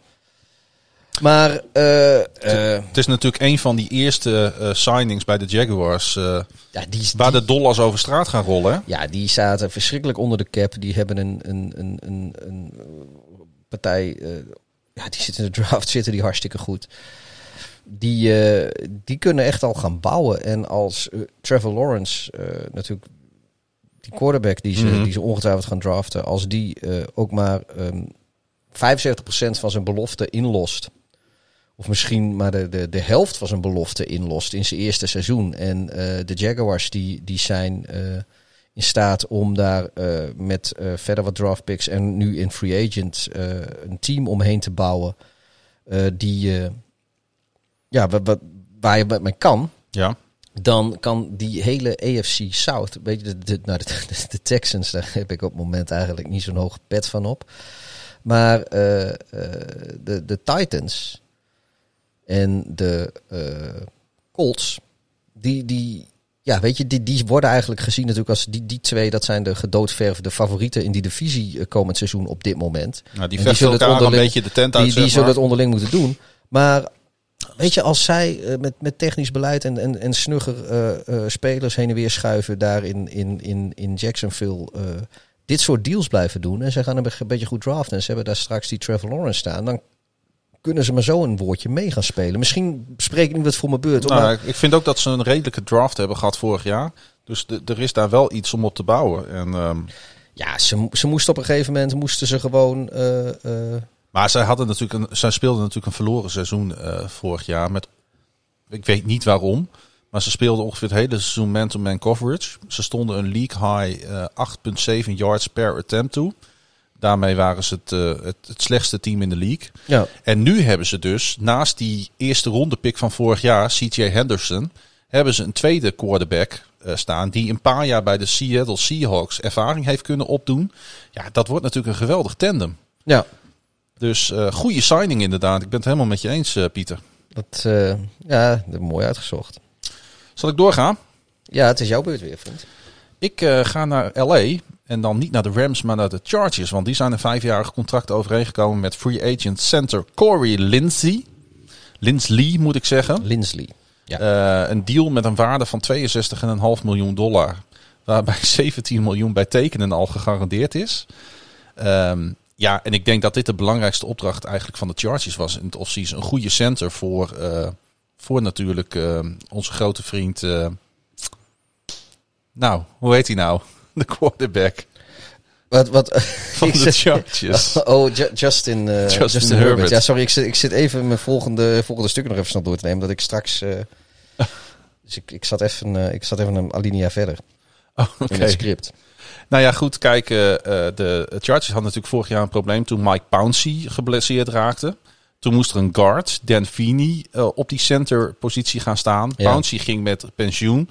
Dus als ze iets moesten doen als allereerste, dan was het het, eh, het signen van een goede center. Nou ja, en dat is Corey Lindsey natuurlijk. Ja, ja het is, dat is wel een... een Hij was first team All-Pro bij de Green Bay Packers afgelopen jaar. Nou ja, ja, wat wil, wat wil je nog meer op, op die positie hebben staan dan dat? ik denk dat, eh, dat, dat ze die... eh, ik denk dat Aaron Rodgers misschien eh, met, met natte oogjes in slaap wel valt met een foto van, eh Ja. van Linsley in zijn hand. Weet je, we kennen allemaal die Wolverine meme. Mhm. Nou ja, zo, eh, zo zie ik Aaron Rodgers wel. ik denk dat hij misschien ook wel gedurende het komende seizoen wel eens terug gaat denken. Want Nou ja, hebben, Rodgers mag graag, mag, mag graag wat langer in die pocket blijven staan. En, en het spel op die manier verlengen, want dat is zijn kracht. Maar daar werd hij wel toe in staat ge- ge- gebracht, mede door, door Lindsay. Want en daarom ben ik ook, eh, vind ik dit ook inderdaad een hele goede, goede keuze voor jou dat dit, een, of dat dit een goede move is. Want Ja. eh, ik zie Justin Herbert dat ook willen en kunnen doen. En eh, ik, ik denk dat daar, ja weet je, ik, ik, ik zie, weet je, als daar een beetje chemie komt ook tussen, tussen, tussen, tussen Lindsley eh, en die Herbert. Ja joh, dit, dat, En er is niets om aan te nemen dat, eh, dat dat niet zou kunnen gebeuren met een center van deze statuur. Voor mij een van de allerbeste in de league. Ja, ik, eh, ik denk dat als je eh, voor je franchise quarterback, en dat is hij natuurlijk, als je aan hem wil laten zien van wij gaan voor jou en we gaan het team om jou heen bouwen, dan is dit een goede center, een top center, zoals Ryan Jensen dat bijvoorbeeld is bij de Buccaneers voor Tom Brady. Ik denk dat Ja. dat het allerbeste is wat je kan doen. Nog veel, nog Ja, en- veel meer en- eigenlijk dan een, dan een dan een, bijvoorbeeld een hele goede wide receiver of ja, zo. maar ik, ik denk ook gewoon dat, dat los van zijn spel, eh, het spel van Lindsay, denk ik ook gewoon met, met, met zoveel, jaar, zoveel jaren eh, de center zijn voor, voor Aaron Rodgers. Mhm. Ik kan mij niet voorstellen dat zo'n Linsley niet wat te vertellen heeft eh, aan, aan een jonge jongen als, eh, als Herbert. Ook dat. Dus het is, hij kan ook nog een mentorrol ja, het in is, die zin opnemen. want het is niet zo dat, dat Linsley met, met, met eh, een koekenbakker of zo heeft, heeft staan centeren. Nee, Nee. die heeft een van de allergrootste of al- allerbeste quarterbacks ooit. En sowieso een van de beste van deze, deze van de moderne tijd heeft hij gewoon jarenlang mee, mee gewerkt. En de rest van die O-line was ook niet helemaal Nee. Was ook niet helemaal Ja. kut. Nee, oké. Maar, maar goed, weet je, dat, dat, ik, ik denk dat dat, dat dat soort dingen toch een beetje meespelen. Je, je hoort dat vaak ook van spelers, eh, eh, eh, dat, ze, dat ze dingen van elkaar leren. Dat, Ja. En dit soort dingen, ja, als je, als je, als je een jongen als, als Herbert laat ontwikkelen, of aan het ontwikkelen bent, dan, eh, dan zijn dit soort dingen denk ik goed. En passant hadden de Chargers trouwens ook nog, als we het toch over die offensive line hebben, eh, voormalig Pittsburgh Steelers guard Matt Filer tekende even voor drie jaar en 21 miljoen dollar. Dus het is wel duidelijk welke kant de Chargers opgaan. Ja, Waar de prioriteit in ieder geval ligt eh, in LA. Ehm, jouw laatste ehm, positieve noot. ja die, eh, die is voor de Kansas City Chiefs, die eh, offensive lineman Joe Tooney hebben binnen weten te slepen voor de komende vijf seizoenen. Een gigantische deal. Oeh, 80 miljoen voor vijf jaar. Eh, de eerste twee jaar volledig gegarandeerd met 32,5 miljoen. Eh, we kennen toen natuurlijk van de, van de Patriots, waar eh, ja, hij Mhm. ja, echt, echt de- beste speler op de, op de O-line was, denk Ja, ik. eens. En ook echt een van de betere in de, in de league. Eh, nou, de offensive line van de Chiefs was natuurlijk een beetje een zorgenkindje. Nou ja, dat, dat werd in ieder geval blootgelegd in de afgelopen Super Bowl. Ja, En ook eigenlijk in, eh, dat vergeten mens- mensen wel eens, in de playoff los van twee jaar daarvoor. ja. Toen ook het, de O-line er eigenlijk voor zorgde dat ze eruit vlogen. Nee, maar ook eh, eh, in beide wedstrijden tegen de Raiders bijvoorbeeld Ja. was dat ook een beetje zo. En nou, kijk, we, we hebben het hele seizoen hebben we het in al onze podcasts steeds gehad over dat, dat de Chiefs niet, het was nooit overtuigend, maar ze wonnen wel steeds. Maar één, ik, ik- gebrek aan, aan echt hele goede O-line play speelde ook wel een beetje mee. Uiteindelijk Mhm. weet een talent als Mahomes dat wel op te lossen. En daar kom je heel ver mee. Maar ja, we hebben nu gezien, niet ver genoeg. Weet je dat die Tooney ehm in vijf seizoenen Patriots nooit één wedstrijd heeft gemist? Nou, dat is eh, een beetje continuïteit is ook belangrijk. Ja, maar dat is toch ongelooflijk. Hij is de eerste speler in de geschiedenis van de NFL die in zijn loopbaan begon met een basisplaats in drie op één volgende Super Bowls. Dat is natuurlijk ook zo, ja. Als je, als je da- dat even op je laat inwerken. Dat is dus het begin van zijn carrière. Vijf jaar Patriots. En waar gaat hij nu heen? Nou ja, de kans dat hij, eh, dat hij binnenkort weer in de Super Bowl staat is, is niet klein of zo. Wat een carrière. Ja. Maar goed, hij is ook echt gewoon fucking goed. Dus Ja. dan mag dat ook. Hij speelde vorig jaar nog onder de franchise tag, waarmee hij een salaris opstreek van 14,7 miljoen dollar. Ehm, en wat, wat je heel veel Ook ziet daar, bij, hè, als ik, ik weet niet of hij kinderen heeft, maar als hij ze heeft, hebben die vast geen honger. Nou, wat, wat ik dan ook wel weer grappig vind, eh, dat dit soort spelers, die dus nu, eh, eh, we hadden het even over Lindsley, ehm, die werd ooit in de vijfde ronde gekozen door de Packers. Deze jongen werd in de derde ronde gekozen. Dus, en we hadden het toevallig met onze collega podcaster Edu over. Ja. Dat, dat alles draait in, de, in die, die draft toch wel een beetje om ronde 1, 2 en dan nog een beetje 3. Maar als ik dit dan zo zie, we hebben deze twee spelers pakken we nu even achter elkaar. Dat er ligt ongelooflijk veel value natuurlijk ook in die andere rondes, met name op de ja, lines. ja, ja, juist, juist in die rond. En dat is ook zo. Kijk, er zijn. eh, ja, weet je, je, de, de, je kan de draft. Buiten de, de eerste vijf posities kun je de draft eigenlijk zelden winnen in de eerste ronde. Je kan hem er wel. Verliezen is misschien een groot woord, maar Nou je, ja. je, je wint de draft in, in, in 3, 4, 5. Als jij ehm, eh, Ja. grote, grote value sp- spelers die, die, die Pro Bowls voor je halen, spelers die, die Eerder- jarenlang. Eerder eh, kwam Juden voorbij, vijfde ronde. ja, nou precies. Maar je, je, dus, er er zijn legio voorbeelden van spelers die, die, die, weet ik veel, tien jaar in de NFL spelen bij eh, misschien ook wel eens voor hetzelfde team. En die in al die tien jaar bijvoorbeeld een starter zijn. En dan kijk je eens en dan blijkt ze gewoon ook inderdaad ergens in de vierde ronde of zo gedraft zijn. Weet je, dat, dat is waar voor je geld. Daar win je drafts mee. Ja. Niet met, eh, als je kijkt naar, eh, naar eerste ronde picks, ehm, hoe lang, of zeg maar hoeveel spelers die in de eerste ronde gekozen zijn, uiteindelijk toch vrij kort, vrij korte NFL-carrière of, of, of anonieme carrières, weet je, een beetje als journeyman, linebacker van team naar team, jaartje Ja. daar, jaartje daar. Dat zijn er best nog wel veel hoor, daar schrik je misschien nog wel van. Ja, ik kan me nog herinneren die Who's That Man van de Tampa Bay Buccaneers. Die jongen die geblesseerd raakte in die wedstrijd tegen de Rams, weet je nog? Ja? Dat was typisch zo'n journeyman die daar even zit, daar even zit, daar even zit. Niemand kent hem eigenlijk. Tenminste Ja. niet als je alle 2000 eh, eh, spelers op je, op je, in jouw geval, eh, geblesseerde hoornvlies hebt staan. Hou op over mijn verlies. Maar goed, hij is er zeker geen deze, deze. Ja. En, eh, nou ja, goed. eh, heel veel geld. Maar ik denk eh, als de Chiefs willen doorbouwen op waar ze mee bezig zijn, ook onontbeerlijk. Jij hebt, eh, jij hebt volgens mij de laatste goede move. Ja, en daar heb ik ontzettend lang over nagedacht of ik dit wel of niet zou gaan doen. Of ik dit ook wel of niet vond. Ik neem aan dat je het wel doet, want we zijn al zo ver nu. Eh, JJ Watt. Wat? Watt. Ah, En eerst, eh, ik, ik moest het even op me laten inwerken toen hij tekende bij de Arizona Cardinals. Een deal met een waarde van 31 miljoen dollar. Ehm, in eerste instantie vond ik het eigenlijk niks. Ik denk, wat heeft die nou bij Arizona te zoeken? En toen begon ik even eh, eh, voor mij te zien hoe die eruit zou zien in een jersey van de Cardinals. En waar die op het veld komt te staan. En toen bedacht ik mij opeens dat hij dan natuurlijk naast collega pass Chandler Jones komt te staan. Oh ja. En dat is eigenlijk is dat een van mijn favoriete spelers in de NFL. Dat vind ik zo'n ongelofelijke geweldenaar. Hij voert eh, de NFL namelijk aan in seks sinds, ehm, eh, sinds hij werd gedraft in de eerste ronde van de 2012 NFL draft. 97 seks heeft hij nu achter zijn naam staan in die, eh, in die acht jaar. En toen zag ik voor me hoe Jones en Ward daar het komende jaar in Arizona naast elkaar staan. En toen dacht ik van, dit wil ik zien. Hier wil ik naar kijken Ja, komend ik- seizoen.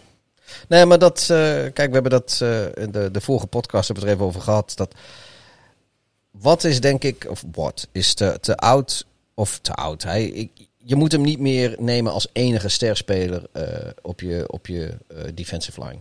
Nee, en dat is hij dus daar niet. Je moet hem, precies, je moet hem hebben eh, in aanvulling op eh, eh, Ja. jongere versies van hemzelf. Weet je wel, grote, grote, grote, grote talenten. En En die lopen er ook rond in. Arizona. En dat, dat, dat, die situatie zit hij hierin. Dus die, dan is hij in één keer. Hij gaat, denk hij gaat ook niet alle defensive snaps meer spelen. Nee, maar Wel zoveel mogelijk. snap, want jij, zo is snap jij een beetje ja, wat ik voor me zag? Ja, ja, ja. En eh, daar komt nog iets bij. Ik denk alleen niet dat hij, eh, dat hij, eh, dat hij een serieuze aanspraak maakt op, op, een, op een ring in Arizona. Wat die wel zou verdienen gezien zijn talent. Maar ik snap wel dat hij daar wil spelen. Ja, maar het is geen knakenteam. Nee, maar, eh, Hoe dat in elkaar zit op dit moment. nee, maar het gaat me wat te ver om zijn contender te vinden.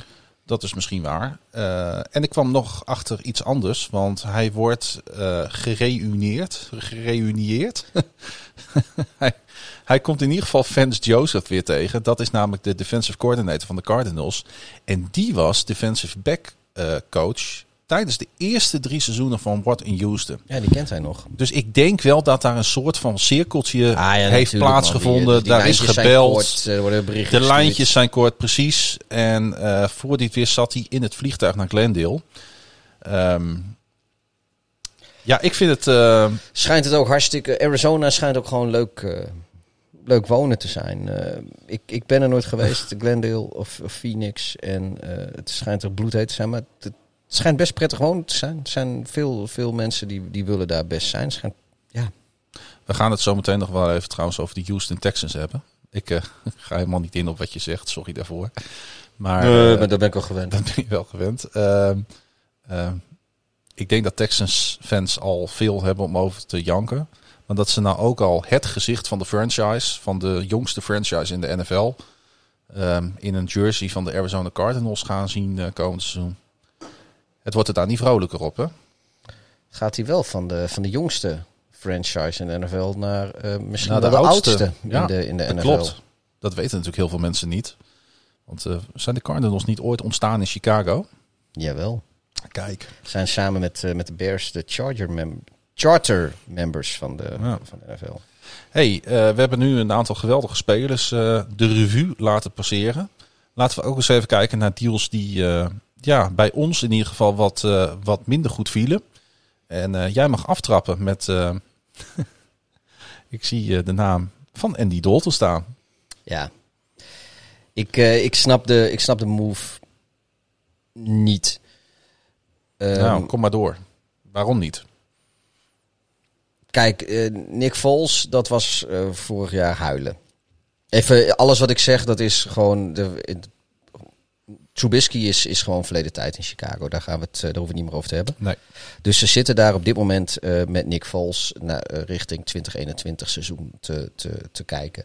En ze zijn natuurlijk enorm in de weer geweest met bijvoorbeeld de Seattle Seahawks om Russell Wilson binnen te harken. Het schijnt ook zo te zijn dat ze in Fargo, North Dakota, op de Pro Day van, wat is het, Trey Lance volgens mij, die quarterback daar. Ja. Daar hebben ze met eh Snyder van de. Volgens mij die Snyder, die, eh, die grote man daar in, eh, in Seattle. Eh, die, die, er schijnen de Bears en de Seahawks ook daadwerkelijk eh, overleg te hebben. Nou, uiteindelijk is daar niet zoveel uitgekomen. Maar het waren echt serieuze onderhandelingen. Serieuze pogingen, Er- er- laat ik het zo er- zeggen. Ondertussen beginnen er ook gewoon dingen te lekken. Als ik geloof dat drie eerste ronde picks, één of twee tweede ronde picks en twee spelers. Eh, schijnt, schijnt te Of dat waar is, dat is allemaal t- derdehands eh, natuurlijk geruchten. Mhm. Maar dat de Bears en de Seahawks in Fargo, North Dakota, met elkaar gesproken hebben over een mogelijke trade van Russell Wilson. eh, dat is eigenlijk eh, wel een feit. En eh, nou, dat, daar is allemaal niet zoveel van terechtgekomen. Ja, goed, die, die kans was al niet zo groot, maar dat is ook niet erg. Maar dan zit je dus met Nick Foles. En dan heb je gewoon een, een, een, een veteraan en eh, een oude quarterback. eh, niet al te mobiel, niet al te geweldig. eh. maar goed, dan moet je iets anders. En ik zou zeggen, weet je, of ga gewoon met die veteraan het seizoen aanvangen. En ergens, je kijkt gewoon als je in de draft zit wat, wat je op kan pikken, quarterback technisch. Of je doet in de draft een serieuze move. Kijk, mensen zijn ook alweer vergeten dat ehm, de Kansas City Chiefs destijds een plek of 12 of zo omhoog getrade hebben. Als het niet meer is om Patrick Mahomes bijvoorbeeld op te pikken.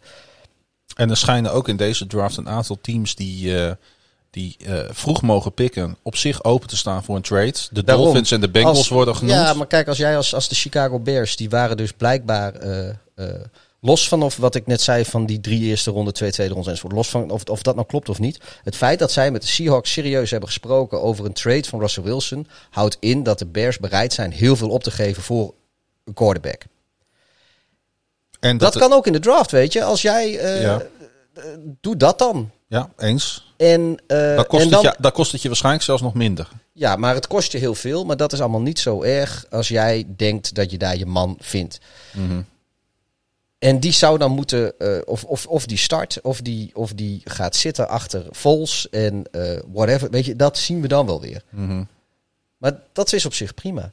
Maar wat moet je dan met Andy Dalton? Hadden ze voor Andy Dalton gekozen als hij niet afgelopen seizoen nog toevallig aan de bak moest? Omdat, eh, nou ja, Dak Prescott natuurlijk die blessure opliep bij de Cowboys. Nou, kijk, Andy Dalton hebben ze vorig jaar. eh, heeft niemand eh, voor Andy Dalton gekozen. En uiteindelijk is hij echt voor knaken. Is hij daar in, in Dallas terechtgekomen. Ja. En ehm, eh, de Bears bijvoorbeeld hebben toen bewust voor Vols gekozen. Nu kiezen ze één jaar Andy Dalton. Blijkbaar hebben ze iets gezien in. in, in Wat niemand Dallas. heeft gezien. wat, Maar als je dit nu, het is een, ik, ik weet wel dat dit mosterd is, na de welbekende maaltijd. Als je dit nu ziet, had je dan niet liever gewoon Mitchell Trubisky nog op het roster gehad? Het is een beetje een simpele stelling dit, maar ja. sportief, eh, of zeg maar in, in een vacuüm, ja. Ik denk, eh, ik, maar eh, met hoe alles ligt, nee. Simpelweg omdat eh, Trubisky, die kan niet wat met Nagy wil met die offense. En eh met Nagy wil niet wat Trubisky kan met die offense. De- Dat ligt elkaar gewoon niet. Eh, Trubisky is een hele lieve jongen. Hij heeft er altijd heel hard voor gewerkt. Ik, ik, ik ben fan van hem in de zin van dat hij altijd positief is gebleven. Hij heeft nooit wanklank. Hij, heeft altijd, kei- hij was eerste binnen, laatste buiten, al die clichés, weet Mhm. je. Alleen, het zit er gewoon niet in. En dat is gewoon jammer. Het is, het is een jongen die het heel graag wil gunnen. Maar tussen de Bears en Trubisky komt het gewoon niet goed. Nee, en zegt het ook wel wat dat Mitchell Trubisky nog niet is opgepakt voor elders. Nou ja, dat, dat zegt wel iets, ja. Ja. Kijk, Want ik- als ik nu naar het lijstje quarterbacks kijk wat nog op de open markt is, dan word ik daar niet vrolijk van. Alles wat een beetje een bal kan gooien, dat is ondertussen geland. weet en daar staat dan Mitchell Trubisky tussen. Kijk, Trubisky die heeft eh, eh, natuurlijk... Kijk, quarter- eh, als, als quarterback van de, van de Bears heb je het sowieso op kut. Want de Bears die zijn eh notoor slecht met, met quarterbacks. En, eh, maar de Chicago mediamarkt die is ook heel lastig. En dat heeft zijn weergave op de... De qu- quarterbacks in Chicago die staan, liggen altijd onder vergroot. Kon je ook zien met Jay Cutler. Die, eh, als je nu ook weer terugkijkt, wat, wat hij zeg maar sportief deed. Het was geen, geen world beater quarterback, maar het was, heel- het was een prima franchise. Weet je, gewoon lekker middel the road. Je, je hoeft je er echt niet voor te schamen als franchise als je een Jay Cutler onder contract had. In de categorie Matt Ryan, Joe Flacco. Ja, weet je wel, gewoon dat eh, precies. Eh, Er was, was helemaal niet zoveel mis mee. Je, je Nee. kon beter, maar je kon ook zeker, zeker veel minder. Nou, dat, toen hij speelde, was daar, nou, dat weet jij ook, daar was nooit sprake van. Er werd altijd over hem gesproken alsof hij zijn- in zijn vrije tijd eh, kittens verdronk of zo. Hij maakte zichzelf af en toe ook wel een klein beetje belachelijk eh, off-field, vond ik. Nou ja, belachelijk, belachelijk. Hij, hij had er gewoon op, op een gegeven moment, na die NFC Championship game, toen, eh, toen er op een gegeven moment van alles verzonnen werd over hem, toen Mhm. had hij zoiets van, weet je, mijn, ik, ik, het interesseert me niet meer, want wat ik zeg, ze geven er toch een eigen draai aan, dus kan mij die pers schelen. En dat, is, dat maakt het je niet makkelijk. Nee. Maar eh, ik blijf er wel bij dat het heel kortzichtig is als de rest van de media daarin mee. En kijk, Trubisky heeft ook dat probleem een beetje. Dat, dat de, de, de Bears quarterback is de meest eh, gepolariserende man in Chicago. Altijd, maakt niet uit wie het is. En eh, eh, ik, er is geen enkel team in de NFL waar je de fanbase vrolijk maakt als je Trubisky aankondigt nu. En toch denk ik, noem mij naïef, dat er zijn speelwijzes, er zijn teams waar hij verdienstelijk kan spelen. Ik gun het hem. Ik zeg niet dat hij, eh, dat hij zo'n Super Bowl met Nou. hem wint. Maar ik denk nog steeds dat eh, dat er. Maar goed, we zouden het niet over Trubisky hebben. We gingen het hebben over eh, dat ik de Dalton move gewoon niet snap. Want ik denk niet dat, je, hebt, je, hebt, je hebt een veteraan quarterback. je, ook met Dalton en Foles ben je nog niet klaar. Dus er moet alsnog nog steeds iets gebeuren. Dus je gaat nog steeds een quarterback draften. Of je nou een move maakt of dat je gewoon kijkt of er iemand valt. Dat weten we niet. Maar eh, ja, ik, ik, ik snap deze move niet zo goed. Oké, laten we verder gaan. eh, want daar is deze ronde ook voor bedoeld. Om deze vraag ook eh, in de lucht te laten hangen. We snappen het niet. Ik, wil, me even, ik wil graag even inzoomen op de Las Vegas Raiders. Die staan er natuurlijk een beetje onbekend dat ze af en toe gigantische contracten geven. Ehm, en nou hebben zij hun drievoudig Pro Bowl center Rodney Hudson gereleased. Ik kende hem niet zo heel goed. eh, maar dat komt ook omdat ik de Raiders niet altijd even goed in beeld heb. Ehm, en ik ga ook niet pretenderen dat ik al die spelers ken. Dus laat ik dat ook maar gewoon Het is eerlijk toch wel zeggen. een van, de, een van de teams die je in het echt hebt zien spelen. Ja, hij is mij niet opgevallen toen in Londen in ieder geval. Ik was ook met andere dingen bezig. Ze hadden heerlijke IPA's daar in het nieuwe Tottenham Stadion. Mooi stadion. Maar goed, Nou ja, hij is een beetje het onderdeel van de ontmanteling van die dure O-line van de Raiders. Want daar, Ja. daar staat me een, een, een, een, een, een, een, eh, een pak met dollars op die line. Eerder al werd Trent Brown getrade naar de Patriots. Hebben we het over gehad. Eh, left guard Richie Incognito. Wie kent hem niet? Werd eerder al op straat gezet. En datzelfde geldt waarschijnlijk ook voor right guard Gabe Jackson. Hudson, die werd... ehm, even kijken hoor. Die kreeg een, eh, in 2019 een driejarige contractverlenging met een waarde van 33,4 miljoen dollar. Waarvan 24,4 gegarandeerd. Dat maakte hem toen de highest paid center in de NFL. Terwijl die, nou ja, hij natuurlijk de beste man heeft kwaliteiten. nee, kijk, het is geen slecht, het is niet een hele slechte center. maar Zeker denk- niet, maar- Maar als jij eh 33,4 miljoen dollar in 1 dollar biljetten hebt, en dan ga je stapels van maken, en die leg je op de offensive line, en daar ga je als quarterback achter staan, dan denk ik dat je meer tijd hebt dan als hij er staat. Ja, maar waar de Raiders ook achter gingen staan, is deze center. Door hem in 2019 dit contract te geven. Ja, ja, ja. Maar ik blijf erbij. Als je daar gewoon van die dollarbiljetten een muur maakt, dan heeft je quarterback meer tijd. Ja, dat klopt. maar je snapt wel waar ik heen wil. Ja. En nu releasen ze hem, omdat ze in paniek die O-line gaan, eh, opnieuw gaan inrichten. ja. En wat blijft er over op dit moment? 15,6 miljoen dollar aan dead money alleen voor deze speler. Dead money. En, de- en dat is ook een bedrag waar je nog een best muurtje van kan bouwen in dollarbiljetten. Nou, daar kun je een hele stad van bouwen. dus het is even de vraag hoe, de, hoe Las Vegas dit boek, boekhoudkundig gaat oplossen. Want er zijn wel wat mogelijkheden hoor. Er zijn allerlei data dat je iets nog met spelers kunt doen. Dat je met geld kan schuiven, dat je met contracten kan schuiven, dat je Ja, geld kan de- verdelen. ja, maar deze is al gereleased, toch? Maar deze is al dus dit, gereleased. dit, dit is er gewoon. Die 15.6 dead money, dat, dat is er. Klaar. En Punt. dat vind ik voor één speler is dat zo ongelooflijk hoog bedrag. Ja, dit ge- en, en dit staat ook een beetje voor mij voor wat de Raiders zijn. Ja, weet je, als je dit, dit, dit soort dingen, dit doe je of uit pure principe, als, als nu blijkt dat hij, eh, eh, weet ik veel, zich, zich ongelooflijk misdragen heeft of zo. Of, of weet ik veel. Dan kun je gewoon zeggen van als franchise, want dan vind ik, hou je als franchise juist weer de jezelf. Zeg, joh, die hele dead money, jongen, interesseert me niet. Oprotten. De man, heeft, de man heeft drie Pro Bowls achter zijn naam Precies, staan. nee, dat, dat, dat is dus niet zo. Je hebt, Nee. Blijkbaar heb je, maar goed, ja, ik, Eh, ze zijn in ieder geval bezig daar opnieuw voor de zoveelste keer om hun lines opnieuw neer te zetten. ja, nou ja, kijk. eh, en het die- kost ze alleen maar geld. En ze komen geen steek verder. Hoeveelste jaar van Gruden is dit? Dit wordt zijn vierde seizoen. Zoiets, ja. Dus dan, eh, dan heeft hij hierna nog zes te gaan. Ja, die kan nog twee rebuilds starten, joh. ja en, maar het, het, blijft, het blijft een 8-8 team op deze manier. Ja. Ze winnen hun wedstrijdjes, maar ze verliezen ze net zo. Dus Misschien eh, toch maar eens Derek Carr gaan treden dan. Maar ja, kijk, wat heb je daar nog aan? Kijk, de Bears hebben Dalton al, dus die Carr die gaan er ook niet meer halen. nee. Eh, Pieter, volgende. Waar schrok jij van? Nou, we blijven in de NFC North, want daar is het altijd zo prettig toeven. Ja. Aaron Jones, die, eh, die heeft een eh, contract gekregen van onze vrienden uit Green Bay. Moet wel een kleine side note bij geplaatst worden volgens mij. Omdat eh, we hebben het daarover gehad deze week. En toen zat Jamal Williams nog eh, ook bij de Packers. Ja, maar dat, dat, dat, verandert doet voor jou niet zoveel, Nee, dat, dat, doet niks af. Kijk, eh, ze, kijk, de Packers hebben vorig jaar hebben ze in de eerste ronde een quarterback gedraft, die, die Jordan Love. En die heeft geen seconde gespeeld. En die was zelfs niet eens de backup van Aaron Rodgers afgelopen seizoen. Hebben ze een eerste. Oké, misschien wordt dat nog een geweldig grote quarterback in de toekomst. En dan lacht iedereen me uit. Maar vooralsnog heb ik zoiets van, joh, eh what the fuck. Mhm. Met een tweede ronde pick hebben ze AJ Dillon gedraft, een running back. Terwijl ze daar bepaald geen probleem running back hadden. Dus misschien denk ik, nou goed, weet je, running back hoef je, roep ik heel vaak. Daar moet je gewoon niet veel geld aan uitgeven. Want dat is een vrij inwisselbare positie. Je kan je geld beter in je line steken. Want als jij een fatsoenlijke O-line hebt eh, die een beetje gaten kan trekken, dan is iedereen die een bal kan dragen en twee benen heeft, waarvan die ene voet voor de andere kan zetten, die kan wel eh, yards voor je pakken. En dan hebben ze dus, eh, nou, ze hadden Jamal eh, Adams dan ook nog en AJ Dillon.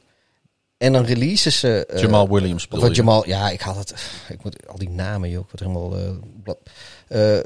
maar dan releasen ze Williams, Mhm. die ze vrij goedkoop hadden kunnen houden. Dan AJ Dillon zit er nog, die ook niet zoveel kost. En dan geven ze Aaron Jones gewoon een, een, een dik contract. Een echt dik contract. En natuurlijk. 48 miljoen dollar, inclusief een tekenbonus van 13 miljoen. Ja, en het is, het is een hele goede running back hoor. Begrijp me niet verkeerd. Ik bedoel, en ik gun die jongen iedere dollar die hij krijgen kan. Eh, maar ik had, eh, als ik Green Bay was, had ik gewoon gezegd van, nou, wij gunnen je iedere dollar die je krijgen kan, maar eh, wel elders. Op zich een goede keus dan dat ze hem niet uh, gefranchise-tagged hebben. Want dat hing ook in de lucht. Ja, Want dan hadden ze ook heel veel geld aan hem moeten geven. ja dat klopt. Maar ja, ik, ik, ik, of je, als, als, als ze nou zoveel vertrouwen in die Jones hebben, waarom hebben ze een tweede ronde pick verspeeld aan AJ Dillon? Mhm. Of als ze AJ Dillon zo geweldig vinden, waarom gaan ze dan niet met de running back room van Williams en Dillon het seizoen aanvangen? En eh, laten ze Aaron Jones lekker eh, zijn geluk beproeven op de in free agency eh, bij een van de 31 andere teams. Ik vind dit gewoon een, een, een, een zwalkend beleid. Ja. En ik, ik kan, ja, ik snap niet waar, waar, waarom dit zo gega- gegaan is. En vandaar dat ik hem in mijn eh, what the fuck moves eh, gezet heb. Ja, precies. Nou ja, ik, eh, ik, ik kan je op zich hierin wel volgen. En ik denk dat voor Jamal Williams het alleen maar een win-win situatie is dat hij nu bij de Detroit Lions is geland. ja, Nou ja, ja, die hebben natuurlijk met die DeAndre Swift hebben die een ongelooflijk leuke running back. Die, die jongen heeft het hartstikke goed gedaan afgelopen jaar. In een eh, ja, toch wat zwalkend eh, eh, Lions team. En daar wordt hij gewoon, hij komt of in de rotatie met Swift, of hij wordt de number two. Die rol was natuurlijk vorig seizoen nog weggelegd voor Adrian Peterson, die free agent is geworden. ja. Oh, Ja. is die, die, is- die is niet met pensioen, hè, trouwens? Nee, nee. Die is gewoon free agent. Die zal nog wel ergens weer opgepikt worden. Komt, die komt ook wel ergens terecht. Ja, dat zal wel, in, Raiders. zal wel in Washington eh, landen weer Ja, bij, de, zo. bij de Raiders. Ja, dat zou Maar, eh, nee, maar goed. Ik, maar dat wordt, dat wordt in, in Ja. Detroit wordt dat een leuke dual Ja. threat eh, op running back. ja, ze moeten gewoon, ja, weet je, iedereen, dat, dat ge, ge, ge, ge- andere, andere teams in de NFC Noord, die, die moeten gewoon niet te goed worden. Maar, En ik vind die Williams ook wel een beetje onderschat hoor. Want die is in, Ja, ja, ja. in 2017 is hij in de league gekomen. Eh, vierde. hij is eh, hoger gekozen dan, eh, dan Jones in dezelfde draft. En. Jones was een ronde later. Vijf. En hij was ronde vier. En hij heeft van 60 wedstrijden, heeft Williams de ma als running back, hè, mind you, vier gemist. Ja. Nee, maar dat, ja, nog, ik, ik snap gewoon de, de, de, de, de, de manier. Williams de- was wel de, de- goedkope oplossing geweest Ja, voor de Packers. Ja, precies. Die had met, als je, maar als jij gewoon het seizoen begint met Dylan en Williams, dan hoef je echt niet te schamen. Nee. En eh, dat is dus, ik, ik, ja, ik snap niet waarom Green Bay dit gedaan heeft. En, en natuurlijk, ik had net, eh, heb ik even, toen we het over eh die center hadden van, van, de, van de Packers, die, die, die verhuisd is naar, naar de Chargers. Toen heb ik even heel positief over Green Bay gesproken. Nou, er was ook hoog tijd dat, eh, dat ik met een beetje kritiek kwam. Precies. Een beetje, een beetje evenwicht. Hey, we gaan naar San Francisco. Want daar zit jouw eh, WTF. Eh, nou, dat valt eigenlijk ook wel weer mee. Alleen Trent Williams is, is opnieuw binnengehaald bij de 49ers met een zesjarig contract. Met een waarde van, eh, val niet van je stoel, 138 miljoen dollar. Gelukkig eh, wist ik al dat het heel veel was, anders was ik van mijn stoel gevallen. Dat maakt hem in één klap de best betaalde offensive lineman in de NFL. En ik vind het gewoon belachelijk. Hij is wel goed hoor. Hij is hartstikke goed. Daar gaat het ook helemaal niet om. Maar ik vind echt. Ik, we hadden de discussie over in de Ravens eh vlog app vanmiddag. Dat eh, hè, ik, ik mag graag hameren op het belang van goede lines. En eh, onze grote kameraad Frank eh, die doet dat ook.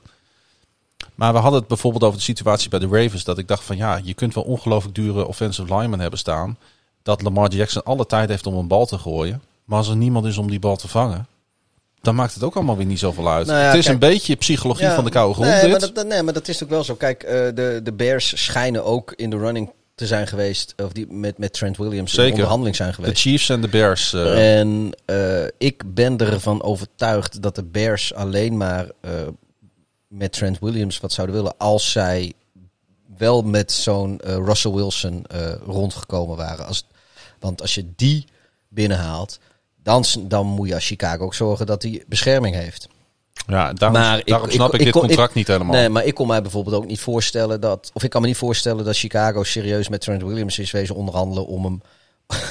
om hem, om hem Andy Dalton of eh, Nick Foles te laten beschermen. nee. Daar ga je, nee, want daar ga je dan als, als franchise gewoon je geld in uitgeven. En wat dat betreft hebben de Bears denk ik de goede keuze gemaakt door Jermaine eh Yves Ifedi. Ivedi. Ja, ja eh, low risk, eh, high. eh, Ja, weet je, je, kent het. ja, het is, niet, het is niet om over naar huis te schrijven, maar je hoeft je ook niet met hem te schamen. En weet Nee. je, dus de, je kan niet, niet alles.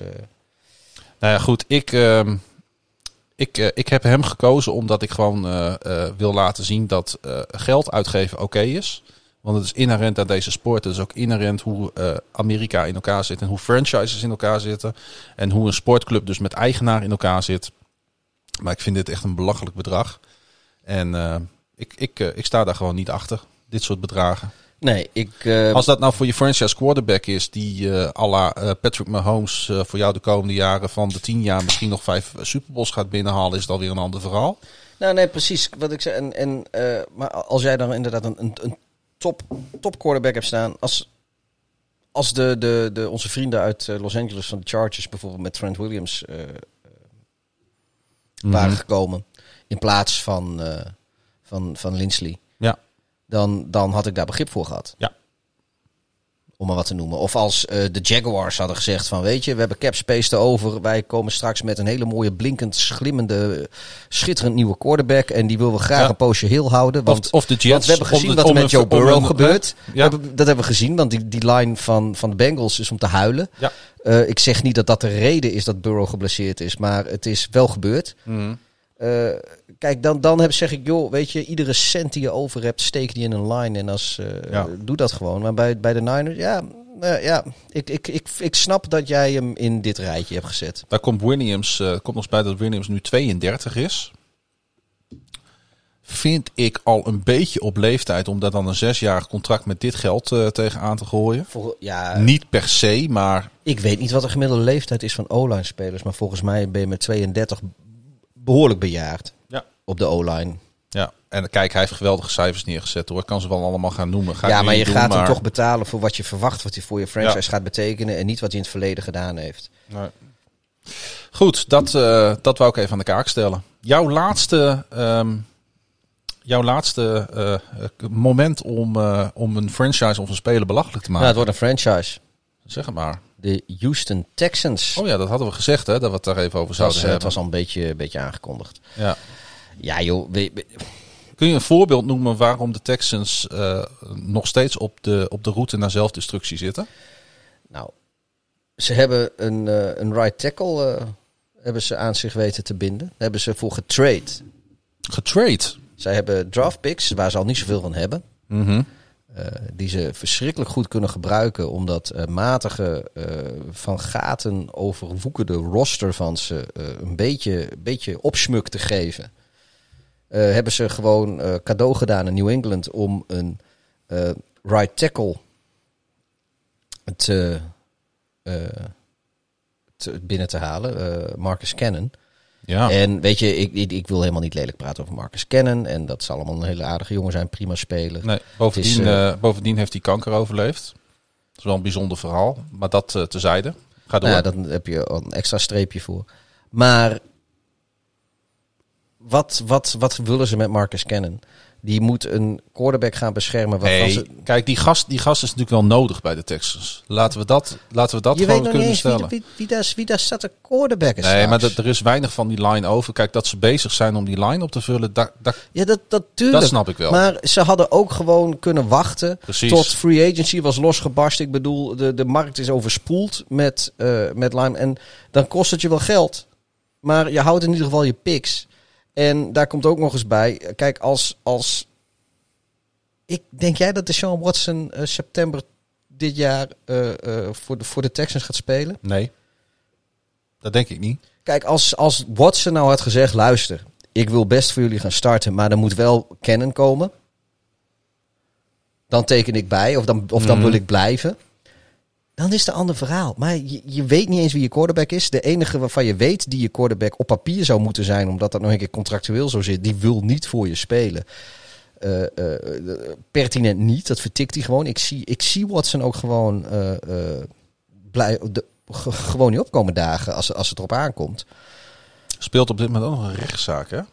Wist je dat? Ja, ik zag een tweet van eh, Watson voorbij komen dat hij had gezegd dat er was iemand die had een een of andere Een misconduct klacht Ja. of zo en die wilde een schikking en hij zei van ja weet je ik ga dat ook niet helemaal niet eens geheim houden dit is wat, eh, wat ze van plan zijn en ik zeg gewoon bullshit ik heb niks gedaan ze Nou, zijn hij zegt, zoek naar hij geld. zegt, laat maar komen, dan wordt maar mijn naam gezuiverd. ja Maar goed, even los van dat, even Eh, een kleine sidestep. vond ik Maar trouwens wel een een een een een een eh, een, een, een, een, een, boss move om dat zo te doen. ja, Zeker als het eh, even ervan uitgaande dan ook dat, eh, dat Watson ook daadwerkelijk onschuldig is.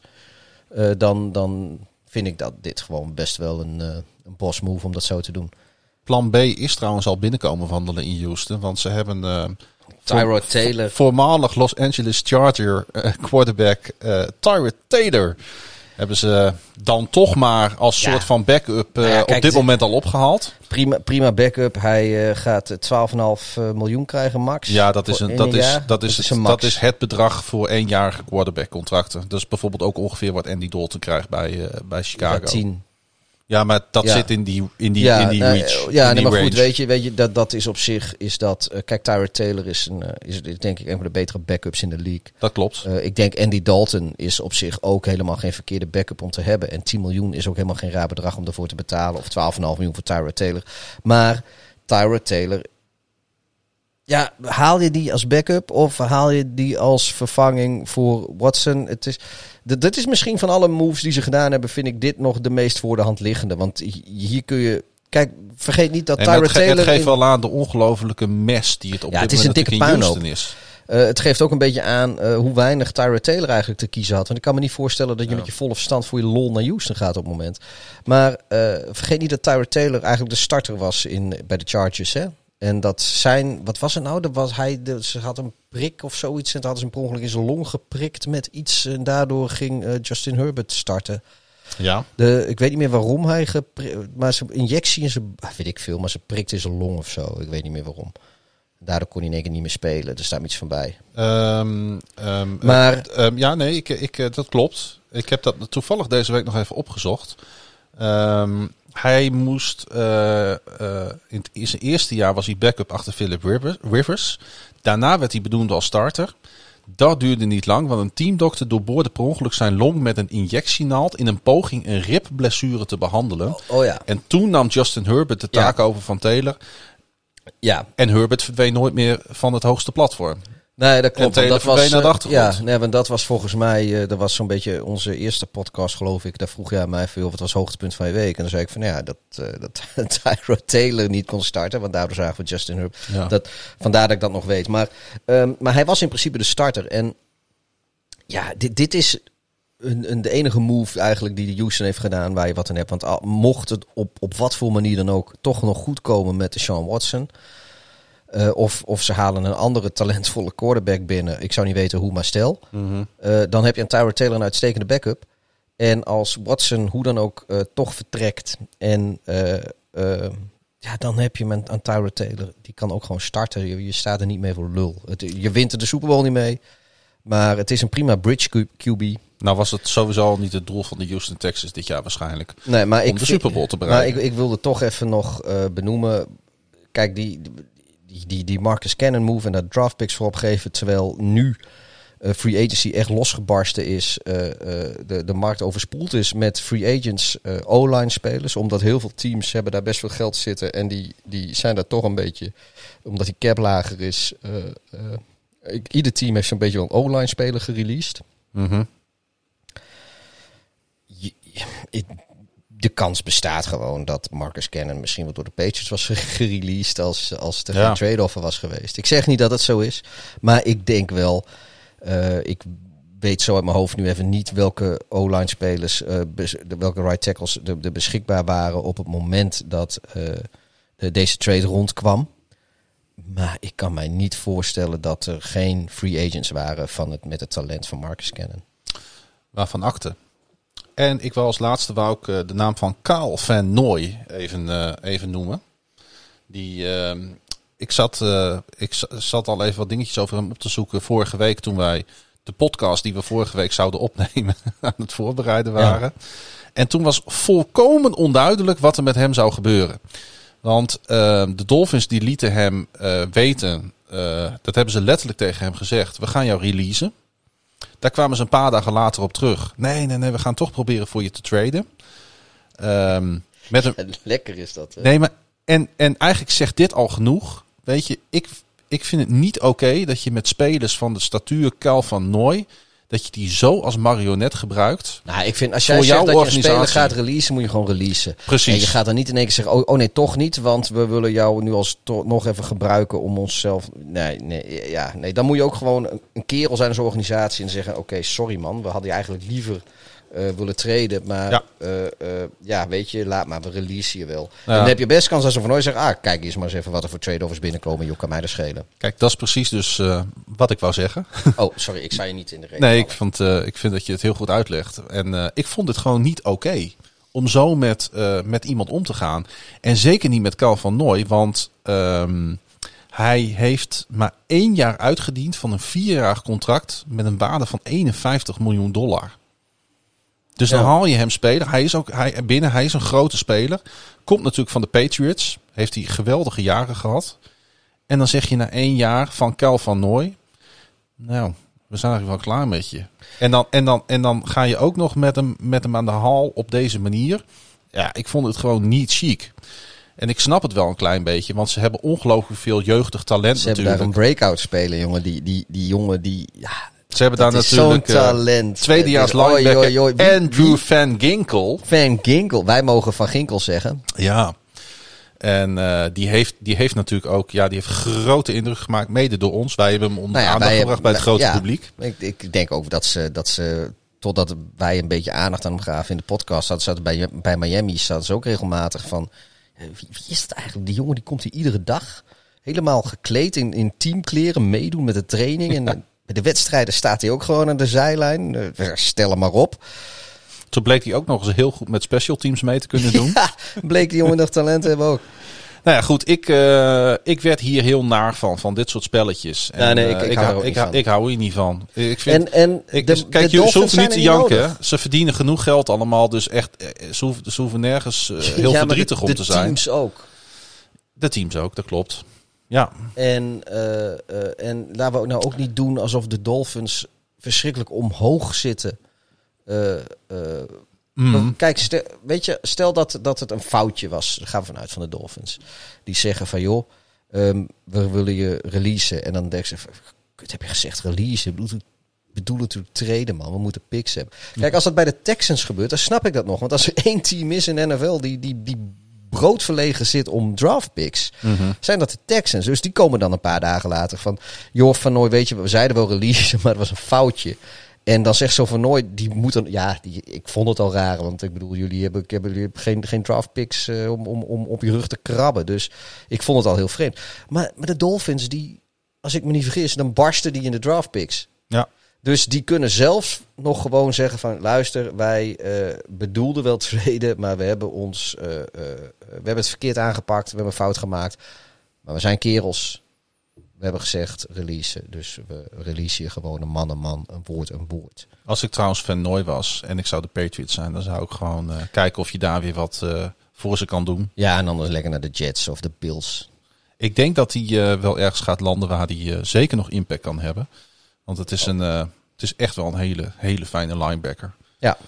Ehm, zes goede signings gehad en zes volgens ons dan wat minder goede signings. Eh, maakt dat wij eh, maar eens even wat anders moeten gaan doen in deze nu al legendarische podcast. Terug van weg geweest.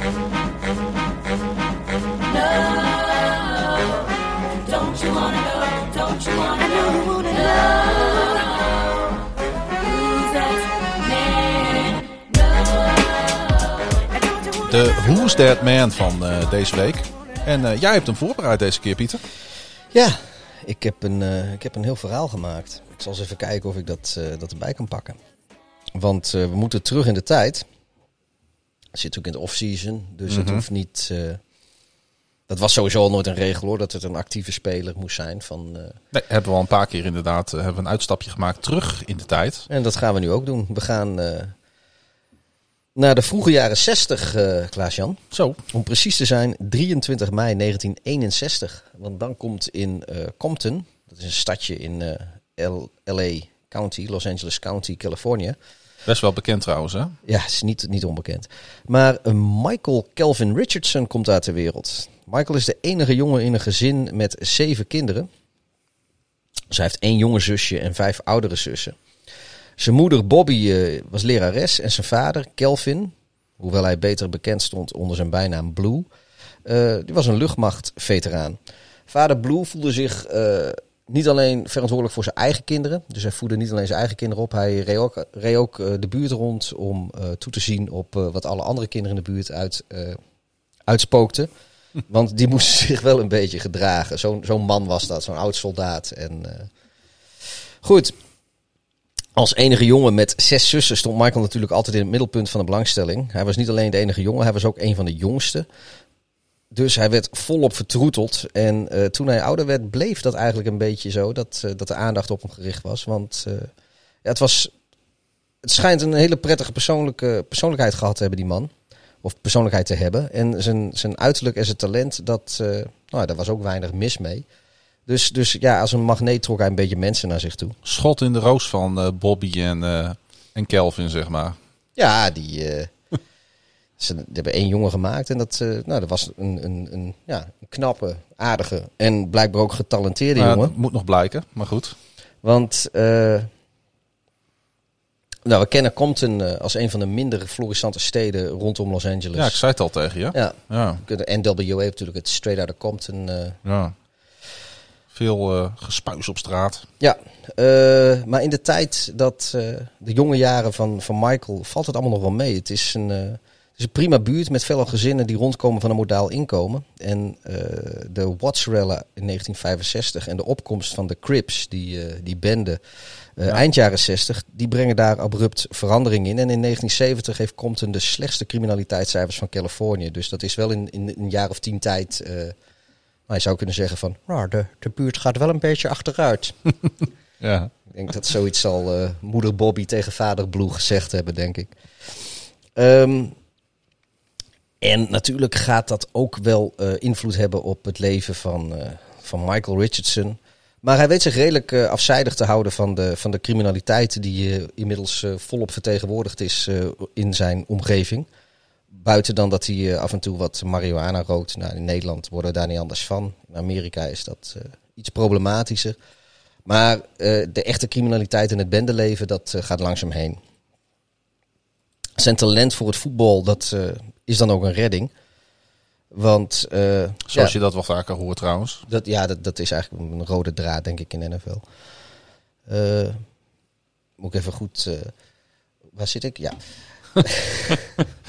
Nee, hij, eh, hij gaat naar Compton High School. Heel en- verhaal, mensen. Ja, het is een heel verhaal. Hij gaat naar Compton High School. Hij wordt daar eh, de linebacker. En eh, direct al in zijn eerste jaar wordt hij uitverkozen tot All-American. En het California Player of the Year titel, die, die valt hem ook ten deel.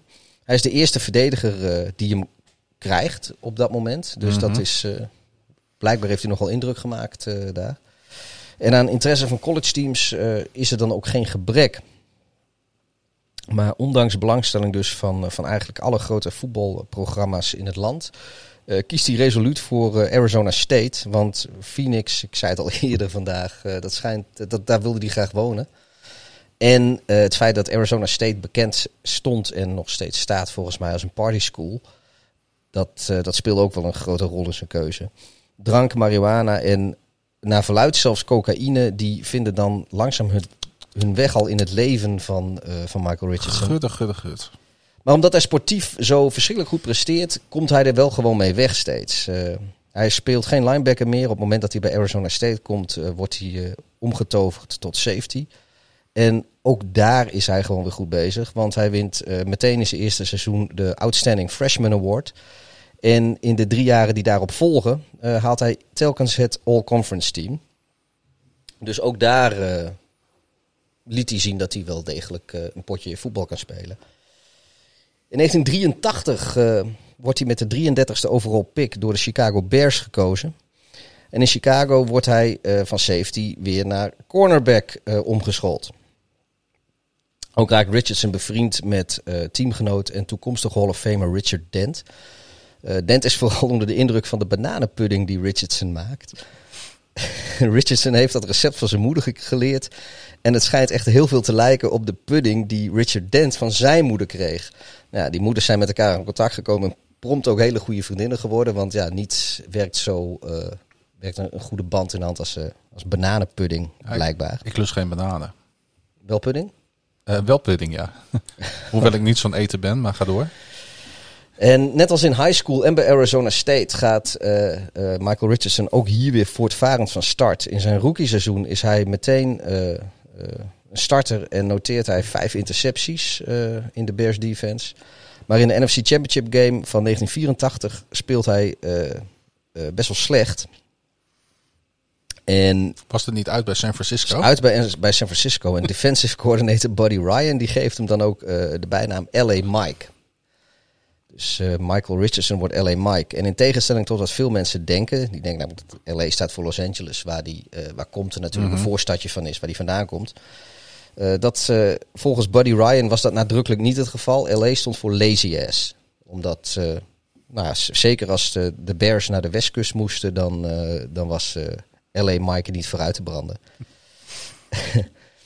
En eh, nou, seizoen 85 in Chicago, niet onbekend, begint eh, eh, voor, voor LA Mike niet zo goed. Hij, wordt, hij is second stringer. Maar in, in trainingscamp al knokt hij zich terug tot starter. En als de Bears in november van 1985 voor het goede doel een rapnummer de Super Bowl Shuffle opnemen, dan rapt hij daar ook vrolijk in mee. I'm L.A. Mike and I play it cool. They don't sneak by me cause I'm no fool. I fly on the field and get on down. Everybody knows I don't mess around. I can break 'em, shake 'em any time of day. I like to steal it and make 'em pay. So please don't try to beat my hustle cause I'm just here to do the Super Bowl shuffle. We are the Bears Shuffling Crew, shuffling on down, doing it for you. We're so bad, we know we're good, blowing your mind like we knew we would. You know we're just strutting for fun, strutting our stuff for everyone.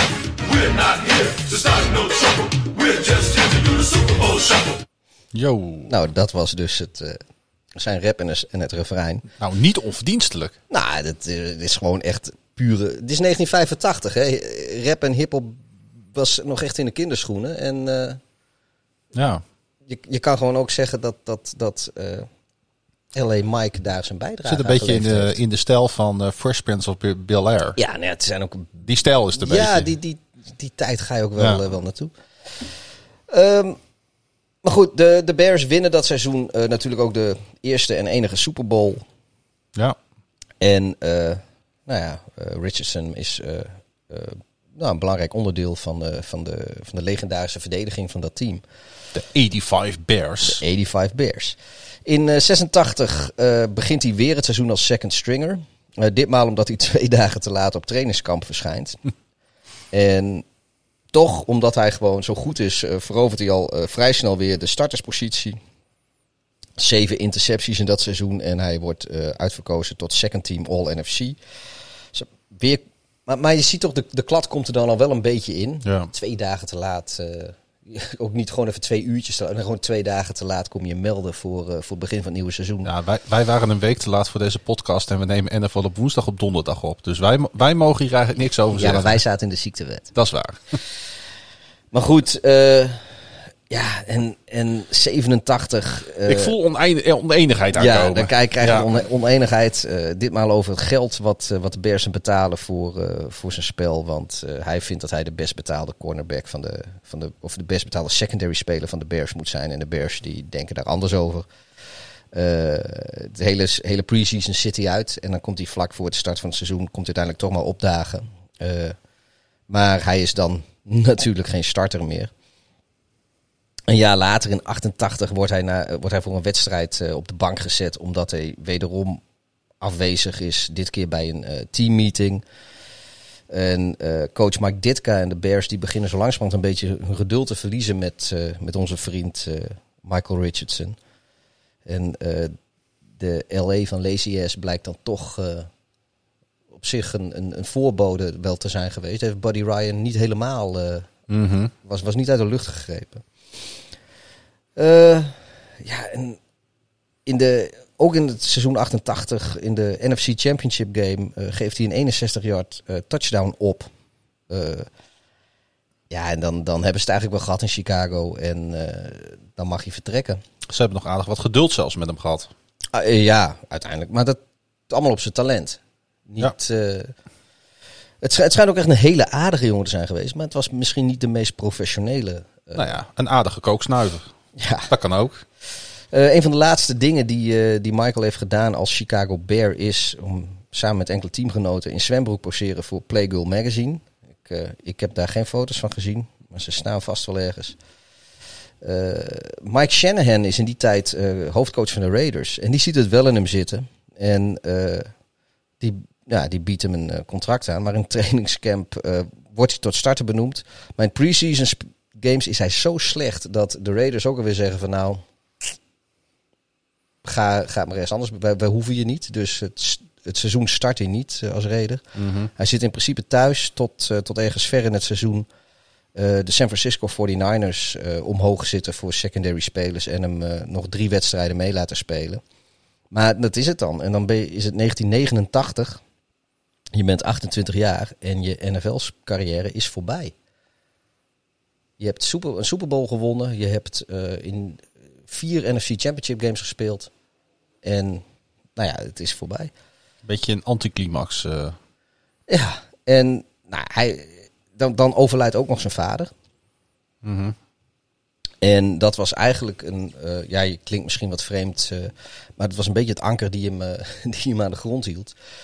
En nou, die, die dingen samen, het feit dat hij van, van een beroemdheid en, en een grote NFL-speler eh, zonder eh, de ondersteuning van zijn vader weer moet wennen aan het gewone leven, dat, eh, ja, dat, dat valt hem heel zwaar. Hij, eh, hij geeft ook aan in een eh, interview in 2003 dat hij eh, zeven jaar in de NFL heeft eigenlijk maar ge- gefeest, genoten, nog meer feesten en eh, nog meer genoten van zijn status als beroemdheid en alle voordeeltjes die daar eh, mee gepaard gingen. En die voordeeltjes moet je dan vooral inderdaad zien als eh, inderdaad eh, feestjes, drugs, drank, vrouwen, dat eh, het goede leven zeg maar.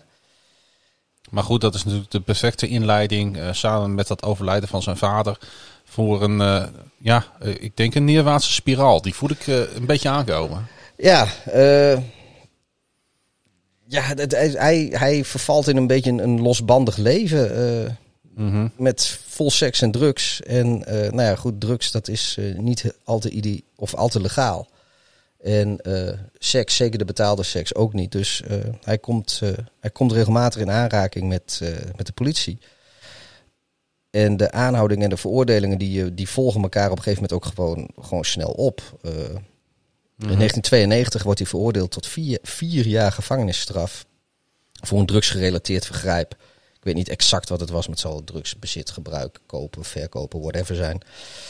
Eh, en dat is nog maar het begin. Want in 2008 doen eh, voormalig teamgenoot Richard Dent van, Daar- de, daar bananen, van de bananenpudding. Mhm. En eh, dat was ook een van de teamgenoten met wie hij in Playgirl Magazine poseerde. Die doet een goed woordje voor hem, net als voormalig coach Mike Ditka, voor de rechter, omdat LA Mike een gevangenisstraf van maar liefst 13 jaar boven het hoofd hangt. Zo. Eh, maar dankzij eh, Dent en Ditka wordt dat omgezet naar één jaar, maar en een verplichte opname in een afkeerkliniek. Maar dat is dan als een 21ste veroordeling voor een eh, drugsgerelateerd vergrijp. Mm. Dat, en dat is dus 2008. Nou, dan spoelen we even heel ver vooruit naar 29 december 2020. Maar dan vindt in Phoenix een drugsgerelateerde fatale schietpartij plaats. En je voelt hem al een beetje aankomen. Volgens het procesverbaal is het slachtoffer ene Ronald Lake neergeschoten door een onbekende zwarte man die de bijnaam Big Mike heeft. Big Mike. Zijn teamgenoten kennen hem als LA Mike. En in afwachting van zijn rechtszaak zit Michael Kelvin Richardson opgesloten in Maricopa County, Arizona. Naast verscheidene overtredingen van de vuurwapenwet is hem doodslag, een second degree murder, dat is eh, Mhm. gewoon moord, maar dan zonder de voorbedachte raden. Eh, maar hem is doodslag ten laste gelegd. En eh, ja, daar zit hij nu. Dat is eh, van de allergrootste hoogtes in de NFL, denk ik, naar de allerdiepste dalen in de samenleving. Ja. Blijft toch een beetje een triest gevoel bij mij hangen van dit verhaal. Ik vind het een mooi verhaal. Ook, ook, ook tof dat we iemand ja, de volledige 60 jaar van zijn leven even zo in, in vogelvlucht de revue laten passeren. Maar is een beetje ook de zelfkant van. eh, ja, dan win je dus de enige Super Bowl bij en voor de Chicago Bears. En dan ben je 60 jaar en dan zit je in de gevangenis omdat je iemand eh, vermoord hebt. ja, waarschijnlijk komt hij er ook niet meer uit. eh. Nee. Goed, Ja, we hebben nooit beloofd dat het een feel-good eh Laat dit een waarschuwing zijn voor de kinderen die luisteren naar deze podcast. Gebruik geen drugs. Word popster en je krijgt het gratis.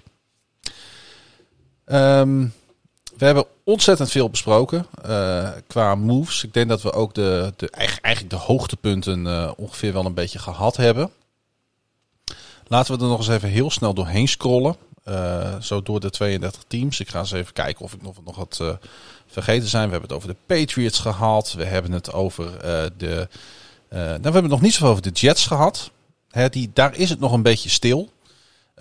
Had ik op Twitter ook een aantal gesprekken over. Eh, wat Twitter-draadjes met, eh, met Jets-fans. Want ja, de Jets die staan natuurlijk eh, voor de keuze. Of we gaan door met Sam Darnold. Of we gaan vol op die, op die quarterback draft. Of zij zijn het team dat voor de Sean Watson gaat. En ik denk in afwachting van die keuze moeten zij natuurlijk ook gaan bepalen wat gaan wij met ons geld doen en hoe gaan wij dat besteden in free agency. Dus het is best wel een ingewikkelde situatie in, in New York. Ja. Ah, nu denk ik wel dat als zij met hun draft pick voor een quarterback gaan, dan moet je in free agency eigenlijk hetzelfde doen als dat je voor de Sean Watson gaat. Namelijk, dan, je gaat Bescherming. inzetten op wapens en beschermen. Ja. Maar het is natuurlijk wel zo dat als jij voor de Sean Watson gaat, dan zijn in elk geval de wapens waar je voor kan gaan eh, anders dan als je.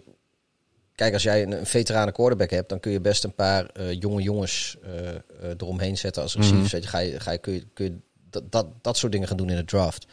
Terwijl als je nou juist weer een, een jonge quarterback op gaat pakken, dan is het misschien wel handig om, om receivers en, en, en andere, of tight ends of, of, of running backs of wat dan ook, met wat meer ervaring te hebben. Om, om toch te zorgen voor een soort van balans. Maar dat snap is, het. is mijn, mijn, mijn. Ik zit natuurlijk in. er zit een oceaan tussen, maar dat is altijd een beetje mijn idee. Nou, wat ik eigenlijk bij wil zeggen. Ze zitten nog een beetje in de, in de wachtstand in New York. Hè, ze zijn nog een beetje aan het aftasten van welke kant gaan we op. Eh, Dallas Cowboys hebben het over gehad. De Giants hebben het ook niet zo heel veel over gehad. Maar die hebben niet zoveel geld tot hun beschikking. Hebben een aantal dure spelers van de hand gedaan. Bijvoorbeeld Kevin Zeitler. De, de, de, de, de uitstekend spelende guard vorig jaar. Eh, de meest consistente offensive lineman van de, van de Giants. Hij gaat naar de Baltimore Ravens. De enige echte grote signing die de Ravens gedaan hebben. De Eagles.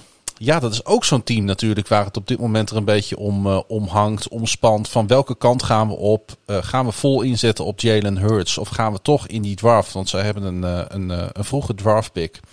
Toch weer voor wat anders. Eh Hurts was in ieder geval blij met de Carson Wentz trade. Nou, we gaan afwachten wat daar gaat gebeuren. ik, denk dat de, ik denk dat de Eagles eh, quarterback gaan. En ik las dat, en of dat waar is, weet ik niet. Want we hebben natuurlijk gezien met rondom de Carson Wentz trade dat je alle eh, eh, talking heads en beatwriters rondom de Eagles gewoon totaal niet kan vertrouwen. Eh, maar eh, er zijn voorzichtige geruchten dat eh, onverwacht dat, Ja. de, dat de Eagles ook in play zouden zijn voor de Sean Watson. Eh, ik heb daar mijn twijfels Oeh, bij, want eh, alles wat uit Philadelphia komt, dat vertrouw ik niet meer. Eh, want het, het, was, het was al altijd een beetje een rare, rare stad wat beatwriters betreft, maar wat er rondom die Carson Wentz trade eh, door als, als feit het internet opgeslingerd is door, door de Philadelphia media, dat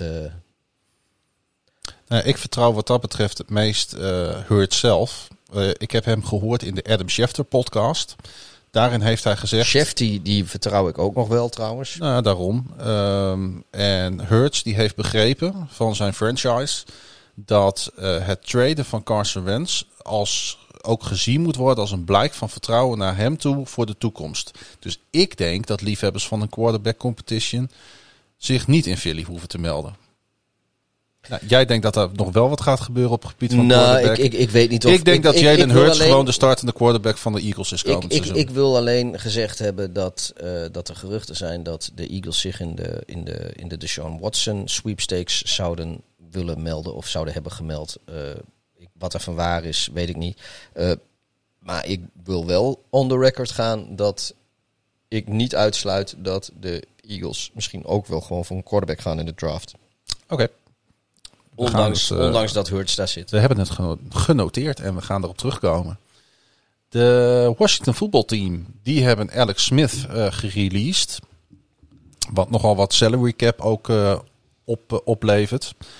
Ehm, en Smith die ehm, keek nog even terug op afgelopen seizoen. En hij was niet al te positief. hij heeft letterlijk gezegd, eigenlijk wilden ze me niet. Ik was een leftover.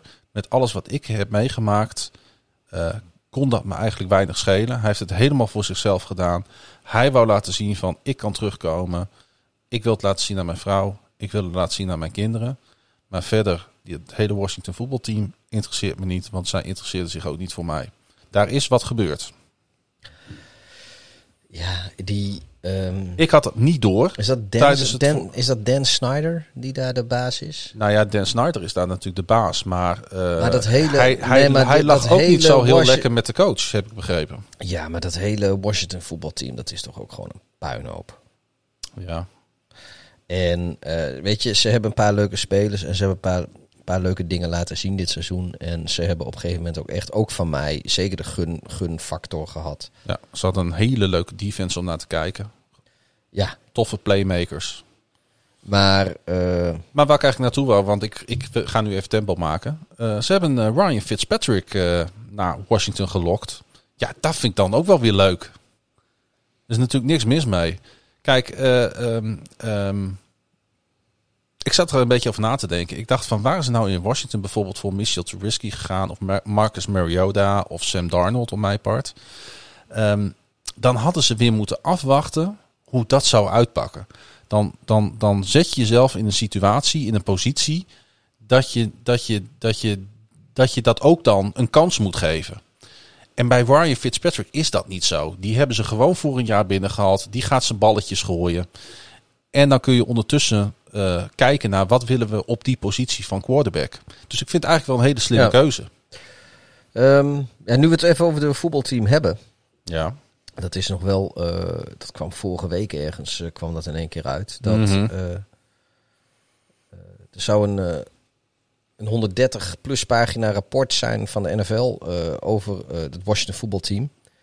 En een van de uitkomsten van het onderzoek zou zijn, is dat ze willen dat de eigenaar, of het, het, het eh, laat ik het anders zeggen, dat het eigendom van de Washington voetbalteam eh, meer verdeeld wordt. Oftewel dat de huidige eigenaar minder macht heeft en minder z- zijn- zijn belangen moet divesten. Ja. Mhm. Ehm, ze willen niet een, eh, een verkoop forceren. Wat, wat in principe kan als 31 andere teams zeggen dat, eh, dat je je team moet verkopen. Als dat unaniem is, dan, eh, dan moet dat volgens mij. Zo, zo werkt dat in de NFL, geloof ik. ja. Zover willen ze niet gaan. Ehm, ze vinden wel dat, dat er serieuze dingen moeten gebeuren de, voor de infrastructuur van het team, whatever dat betekent. Maar ook de, de culture, cultuur. Ik vind het ontzettend vaag allemaal.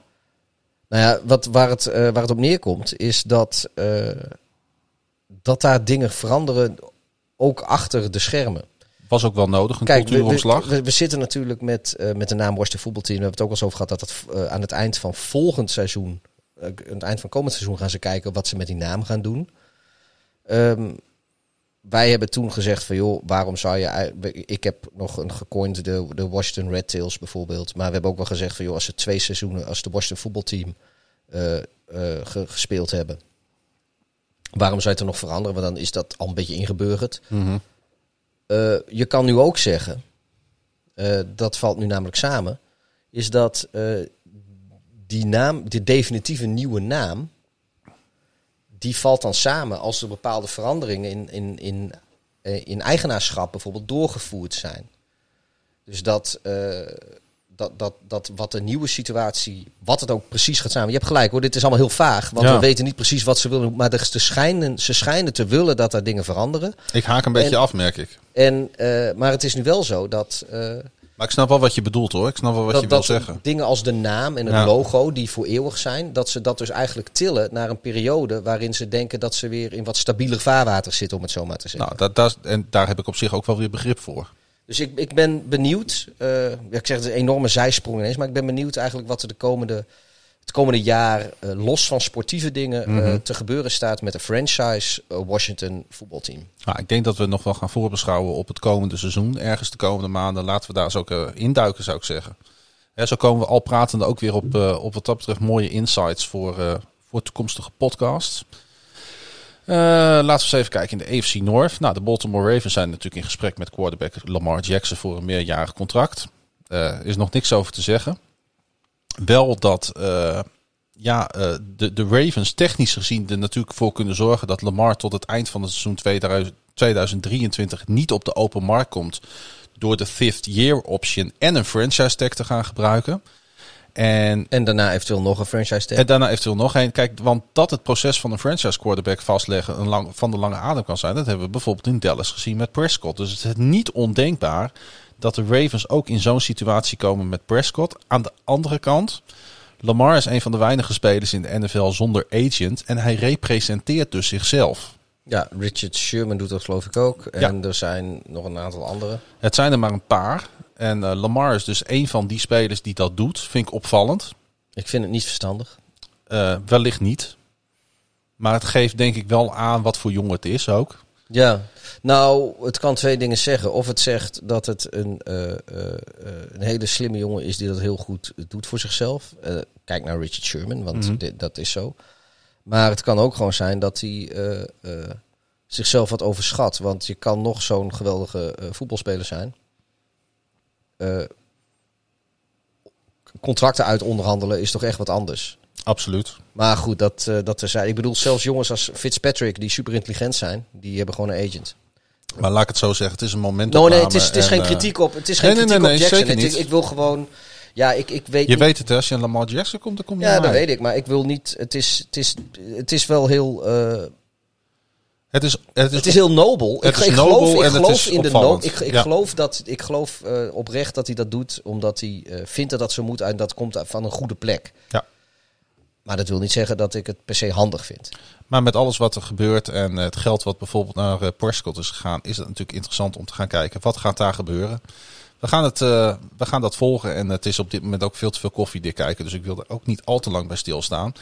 In Cincinnati is het eigenlijk vrij rustig. Ze hopen natuurlijk dat Burrow daar terugkomt van, eh, van zijn blessure en dat het allemaal goed gaat.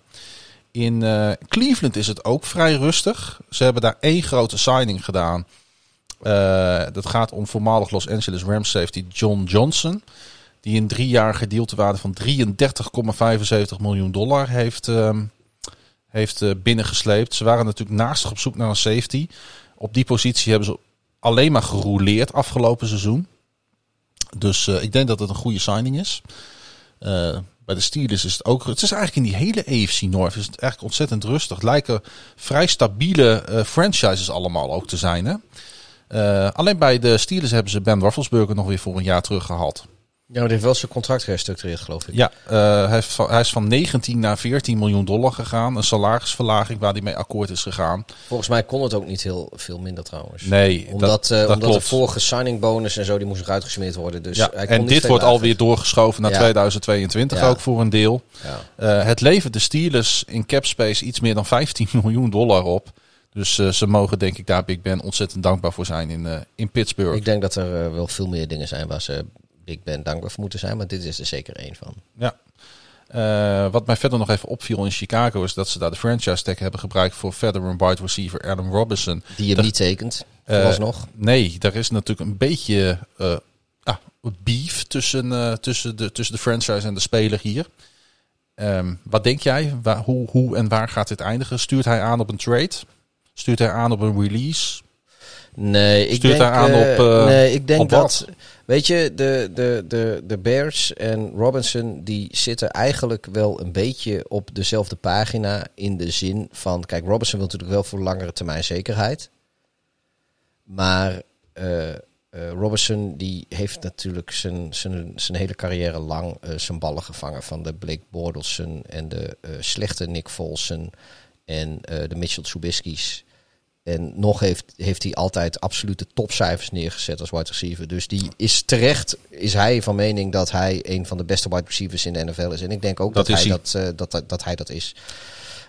Ik heb, Eh, hem- ik heb hem nog even in een rijtje gezet trouwens. Want hij heeft ehm, de, over de voorbije twee seizoenen heeft hij 200 ehm, receptions gehad van Trubisky en Vols.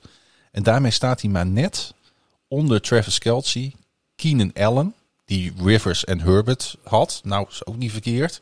En DeAndre Hopkins, die met Watson en Murray heeft gespeeld. Ja. Daar staat hij gewoon bij. Bij dat rijtje met Trubisky en Vols als quarterback. En we weten allemaal, eh, Waar, Als je- waar als jij ligt, de waar ligt de potentie van deze jongen als dan? jij de cijfers van Robinson ziet... en jij ziet hoe de afgelopen jaren de offense van Chicago is... dan die dingen kun je niet rijmen. Nee, Dat, Klopt. is, dat is niet te rijmen. ja, daarom noem ik dit ook zo. Maar, maar goed, eh, eh, de Bears die, ik, de Bears die zijn simpel. Die weten dat die hebben Robinson ge- getagd eh, omdat ze dan waarde voor hem kunnen krijgen in een trade. En als de Bears denken dat zij quarterback technisch de shit goed voor elkaar krijgen, als zij bijvoorbeeld eh, gisteren of eergisteren in één keer een Russell Wilson uit de hoed hadden getoverd, dan denk ik dat Allen Robinson met liefde eh, eh, opnieuw had onderhandeld. nou, misschien was dat vorig jaar ook al zijn probleem. Want toen wou hij ook de long-term deal niet tekenen. Ja, toen, kwamen ze er ook al niet uit. Nee, dat klopt. Toen, eh, toen, maar toen wilde, eh, eh, dat, en dat snap ik wel, toen, hij wilde toen, wat, wat, hij wilde top 2 of top 3 receiver geld hebben. En Chicago had zoiets van, nou, dan moeten we even kijken. Want, weet je, dat zijn gewoon zaken. Ja. En eh, Chicago die wilde dat niet per se geven. En hij wilde niet inbinden. En Chicago wilde ook niet inbinden. Op een gegeven moment kom je niet bij elkaar. En dan stop je gewoon. En dan ga je gewoon een seizoen spelen. Maar nu, ja, weet je, als, als Chicago die, die move had gemaakt met een quarterback, met een Wilson bijvoorbeeld. Als dat wel gelukt was daar in eh, Fargo. Dan had eh, Robinson met liefde bijgetekend, weet ik zeker. Eh, als Chicago de boel niet voor elkaar krijgt en ze met Vols en Dalton het seizoen gaan beginnen, dan denk ik dat ze, dat ze Robinson liever traden. Want dan kunnen ze die, eh, die, die cap space en die eh, picks die ze ervoor krijgen nu, die kunnen ze dan gebruiken voor de toekomst. Absoluut. Dus dat is, dat is de situatie. Of ik denk of Robinson in Chicago blijft, dat hangt af wat er gebeurt op quarterback. En ze hebben daar allebei hetzelfde belang. Want als Chicago Robinson wil houden, dan zal Robinson waarschijnlijk ook wel willen blijven. En als Chicago hem liever niet wil houden, omdat zij denken dat op quarterback toch niks is. Nou ja, dan heeft Robinson er ook weinig te zoeken. Want ja, ik denk niet dat Robinson warm loopt voor Foles en Dalton. Gaan we nog even buurten in Detroit, waar eh, de Los Angeles Rams eh getrade hebben voor veteran defensive lineman Michael Brockers na de Detroit Lions. Eh, dat er een deal tussen deze twee teams komt is natuurlijk niet zo raar, want En in korte lijntjes hebben die al, hè? Zo Ja. met mekaars telefoonnummer. Nou, in januari maakte voormalig Rams Director of eh, College Scouting Brad Holmes namelijk de overstap naar Detroit om daar als general manager aan de slag te gaan. En twee weken nadat Holmes was begonnen aan zijn nieuwe baan in Detroit stuurde de Rams Jared Goff. Natuurlijk eh, met die eh, derde ronde picks naar de Lions in ruil voor quarterback Matthew Stafford. En ja, ik moet het toch even noemen. De Lions namen deze week afscheid van starting nose tackle Danny Shelton. Who's that man? Vind ik heel jammer. Was, was hij Danny onze eerste? Hij was onze eerste Who's That Man inderdaad. Was met die schietpartij in, eh, ja, in, in Seattle, eh, King County. in King County inderdaad. Ja, dat was een mooi verhaal hè. Maar goed, hij, eh, hij staat op straat en hij was natuurlijk al aan, het, al, al aan het declinen als het gaat om zijn cijfers. En ik vraag mij af, eerlijk gezegd, of hij nog ergens aan de bak komt. Raiders. Of what?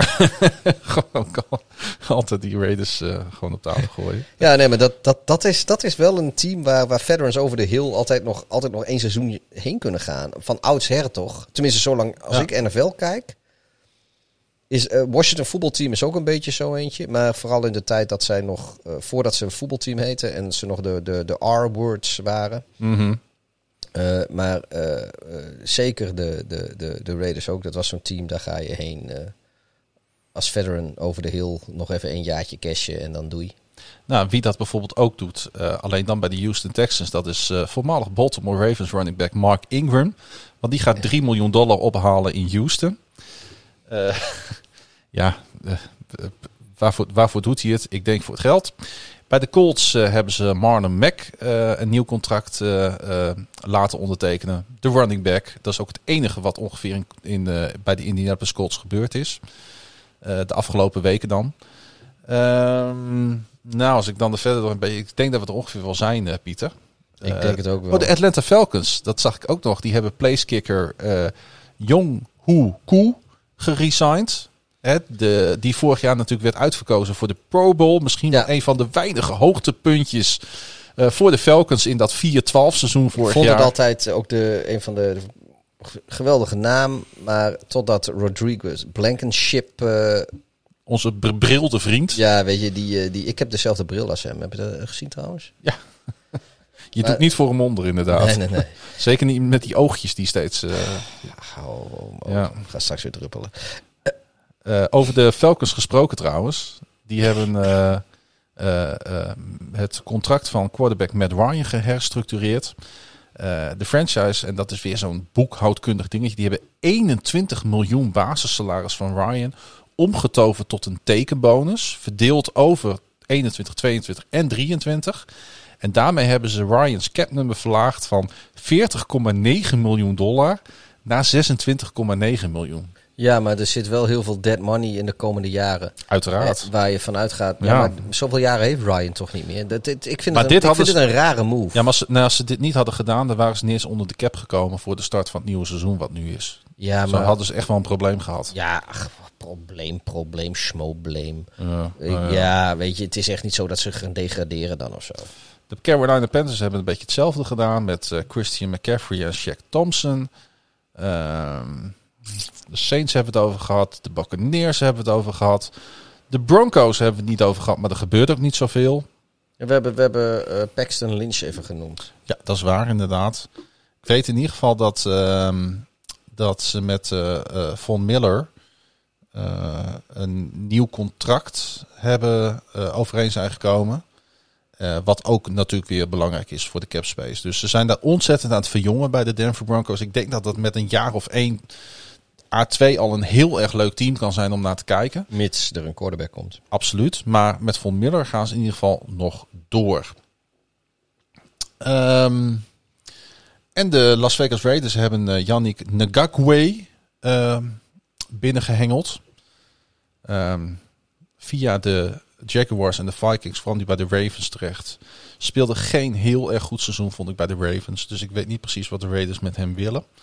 Misschien kunnen zij het wel uit hem halen, wat bij de Ravens niet lukte afgelopen jaar. En ehm, dan zijn we er wel een beetje doorheen. A.G. Green heeft getekend bij de, bij de Cardinals. Moeten we daar nog wat van vinden? Ja, AJ, ja, eventjes, eh, die man die heeft zijn beste tijd gehad. Maar het was natuurlijk, eh, op zijn hoogtijdagen was het echt een hele goede receiver. En een, Mhm. een van de beste, nou, een, ja, het was wel een van de top receivers in de NFL, vond ik. Ja, en het gezicht van de franchise van de Cincinnati Bengals. Ja, maar dat was een beetje ook door armoe. Maar Ja, Ehm, ik denk dat eh, in combinatie met eh DeAndre Hopkins en eh, Larry E- Fitz. eventueel hè. Want Larry heeft nog niet aangegeven of hij doorgaat. Stel dat Larry Fitz nog een jaar zou blijven. Ja, eventueel. Maar sowieso, maar ook omdat eh, Hopkins... Ik, ik denk dat hij daar... eh, weet je, dan kan hij nog best even leuk, leuke dingen laten zien. De Rams hebben eh, linebacker Leonard Floyd een vierjarig contract gegeven. 64 miljoen dollar.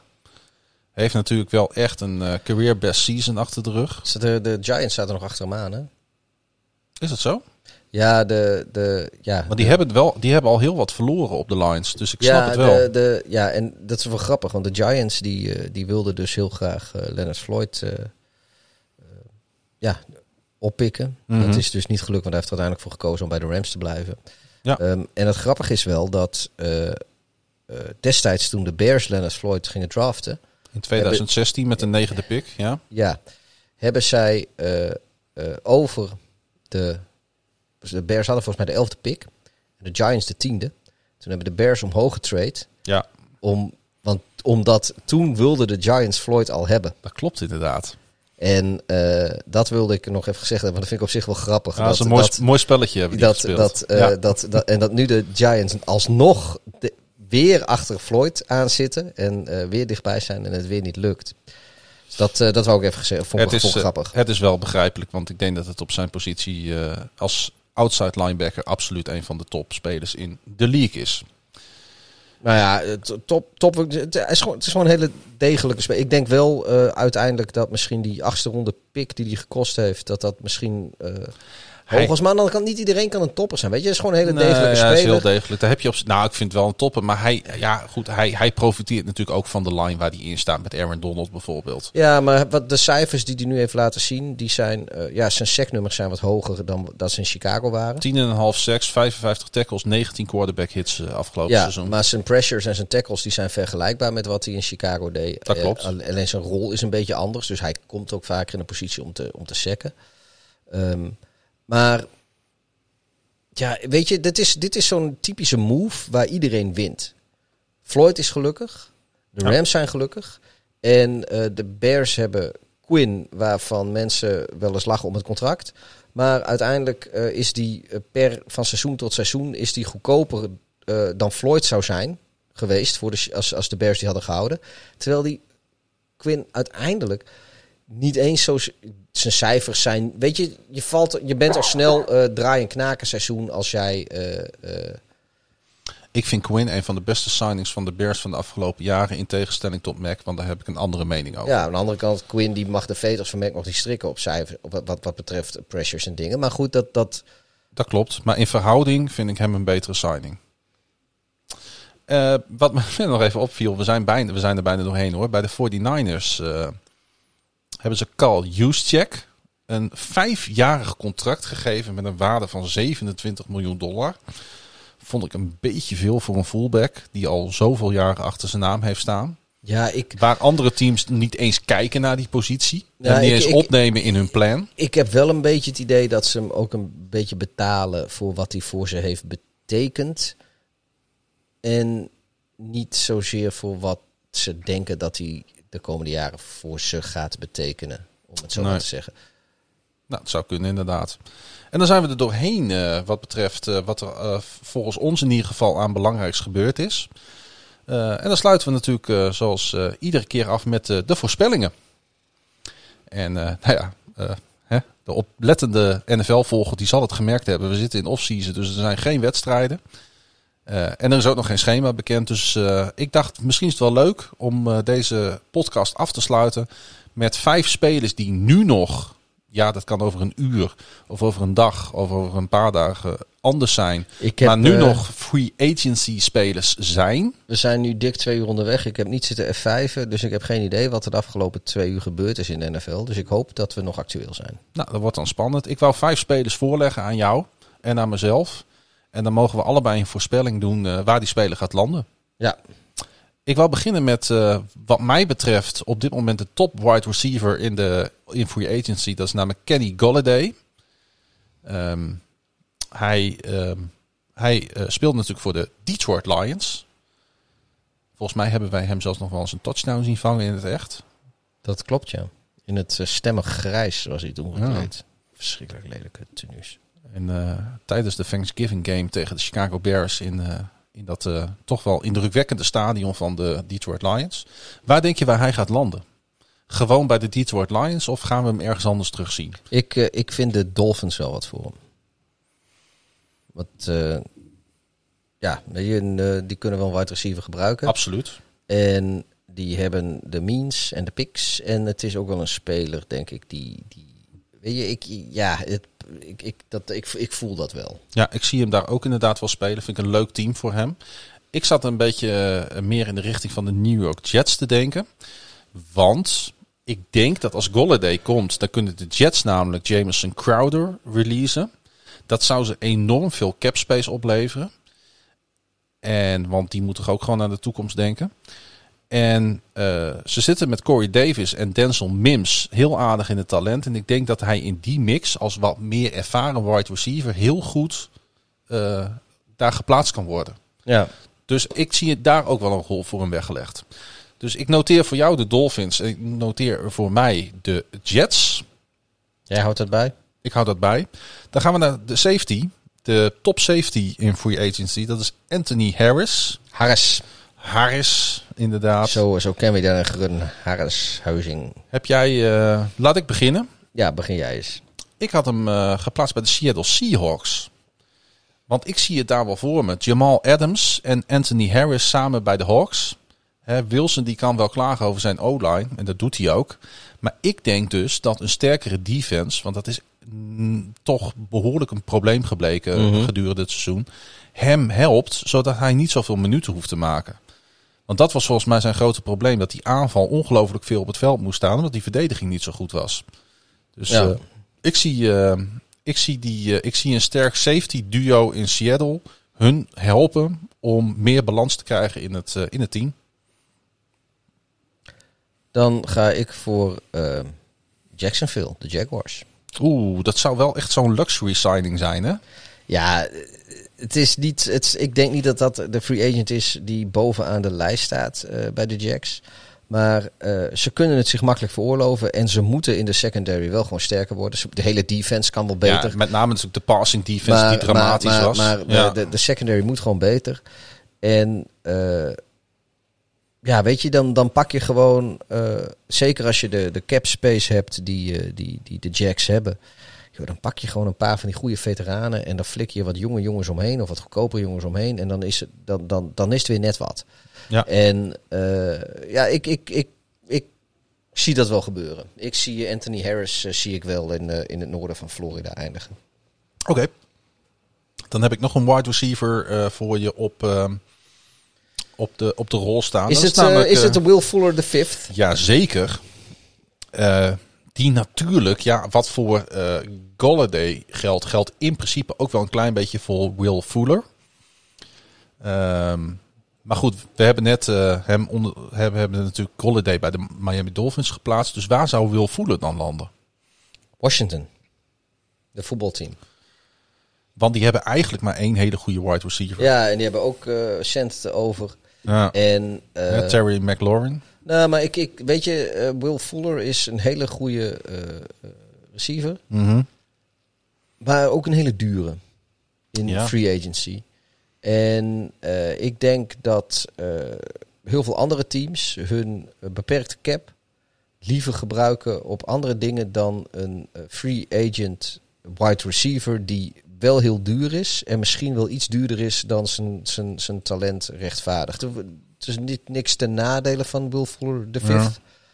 Maar ik denk dat, eh, dat hij duur gaat zijn. De meeste free agency spelers zijn duur. Weet je nog dat en er zijn niet veel teams, denk ik, die dat willen. Weet je nog dat de Packers vorig jaar bezig zijn geweest met eh, Will Fuller? Ja, maar ik denk niet dat Green Bay dat gaat doen. Want Green Bay is zo'n team die eh, dat geld waarschijnlijk liever niet uitgeeft. Oké, dan, ga, dan ga ik de Carolina Panthers noemen.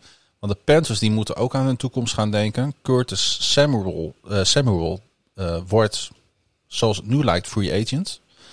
Dus die komt ook op de markt. Interessante speler. Eh, Robbie Anderson die heeft nog één jaar contract over. Dus Will Fuller zou zomaar eens een hele mooie toevoeging Klopt. kunnen zijn. En ik vind hem ten opzichte van Samuel, vind ik hem een upgrade. Ja, alleen... Nou nee, ik, ik, ik, ik snap wat je zegt. Alleen ook de Panthers, net zo'n beetje als met de Packers. Ik zie, dat niet, ik zie die dat niet doen. Hebben ook niet De- superveel geld te besteden. De, de, de Packers niet, omdat ze gewoon... eh, dat zijn niet, die doen niet enorme splashes in free agency. En de Panthers weten nog niet wat hun quarterback situatie gaat zijn. Dus waarom zou je heel veel geld uitgeven aan een receiver als je nog niet weet wat je quarterback situatie is? En dat geldt Omdat voor Washington voetbalteam in zekere zin ook. Maar Washington voetbalteam zie ik niet als een stabiele organisatie. En de Panthers toch iets meer. Dat is waar. Omdat, Maar dat is mijn... mijn eh, En daarom geef ik ook aan. Ik denk dat ze, als ze, dit, als ze hiervoor durven te gaan, kijken ze eigenlijk al over het komend seizoen heen. maar ik denk als Golladay niet naar Miami gaat... Ja, dan gaat Will Fuller dan, daar dan landen. zou Will Fuller daar wel heen gaan. Dat, eh, dat snap ik. Ehm, dan, ja, zijn naam is al voorbij gekomen. En- Sherman the German... ja, Richard Sherman. Hij is, niet, En hij is niet Duits trouwens hoor, als je dat dacht. Er is voor mij maar één ideale landing spot voor hem op dit moment. En dat zijn de New Orleans Saints. Die overigens op de een of andere manier briljant geweldig zijn in het schuiven met geld. En Sherman makes sense voor me in ieder geval daar. Want eh, Chris Richard is de Saints defensive backs coach daar. Chris Richard die wordt toch wel een beetje gezien als de architect van, Legion of, van die Legion of Boom eh, defense. Waar Sherman driemaal op rij een first team all-pro selectie verdiende. En bovendien gaan de Saints, heb ik gelezen, zich aanpassen naar een cover-3 sch- scheme in de secondary. En juist daarin excelleerde Sherman in zowel Seattle als San Francisco. Dus voor mij zijn de Saints eh, bij uitstek de plek waar hij moet landen. Maar ik denk dat het de Jets worden. Dan eh, kom ik weer met mijn, eh, dat heb ik deze podcast al heel vaak geroepen, als het gaat over veteranen die nog even moeten cashen ergens. De Raiders. Nou, misschien. eh, ik zie hem wel in Las Vegas. Laat, laat, laat ik, laat ik, laat ik, laat ik zeg maar ook. ik, ik snap ook wel dat je dat zegt. Waarom? Ik zeg de Jets, omdat ik New York wel bij hem vind passen. Want hij heeft natuurlijk al zijn, zijn hele carrière heeft hij aan de eh, westkust ge- gespeeld en gewoond. Ik denk dat hij de laatste jaren wel in New York wil sluiten. Bovendien, een voormalig Who's That Man, Robert Salou, is nu de headcoach van de Jets. ja, Was bij de 49ers defensive coordinator. Ook Salou speelde met een cover freestyle scheme. De Jets hebben een niet op, co- op cornerback. Dus eigenlijk, hij gaat gewoon daar landen. Dat weet ik eigenlijk bijna wel zeker. Maar Gus Bradley, Gus Bradley, die zit in Las Vegas. die was de defensive coordinator.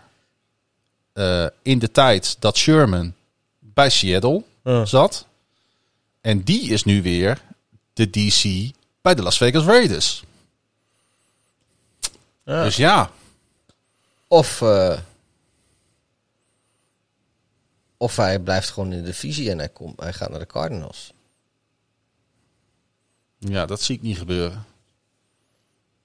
Ik weet het niet. Ik, eh, Ga je voor de Raiders of de Cardinals?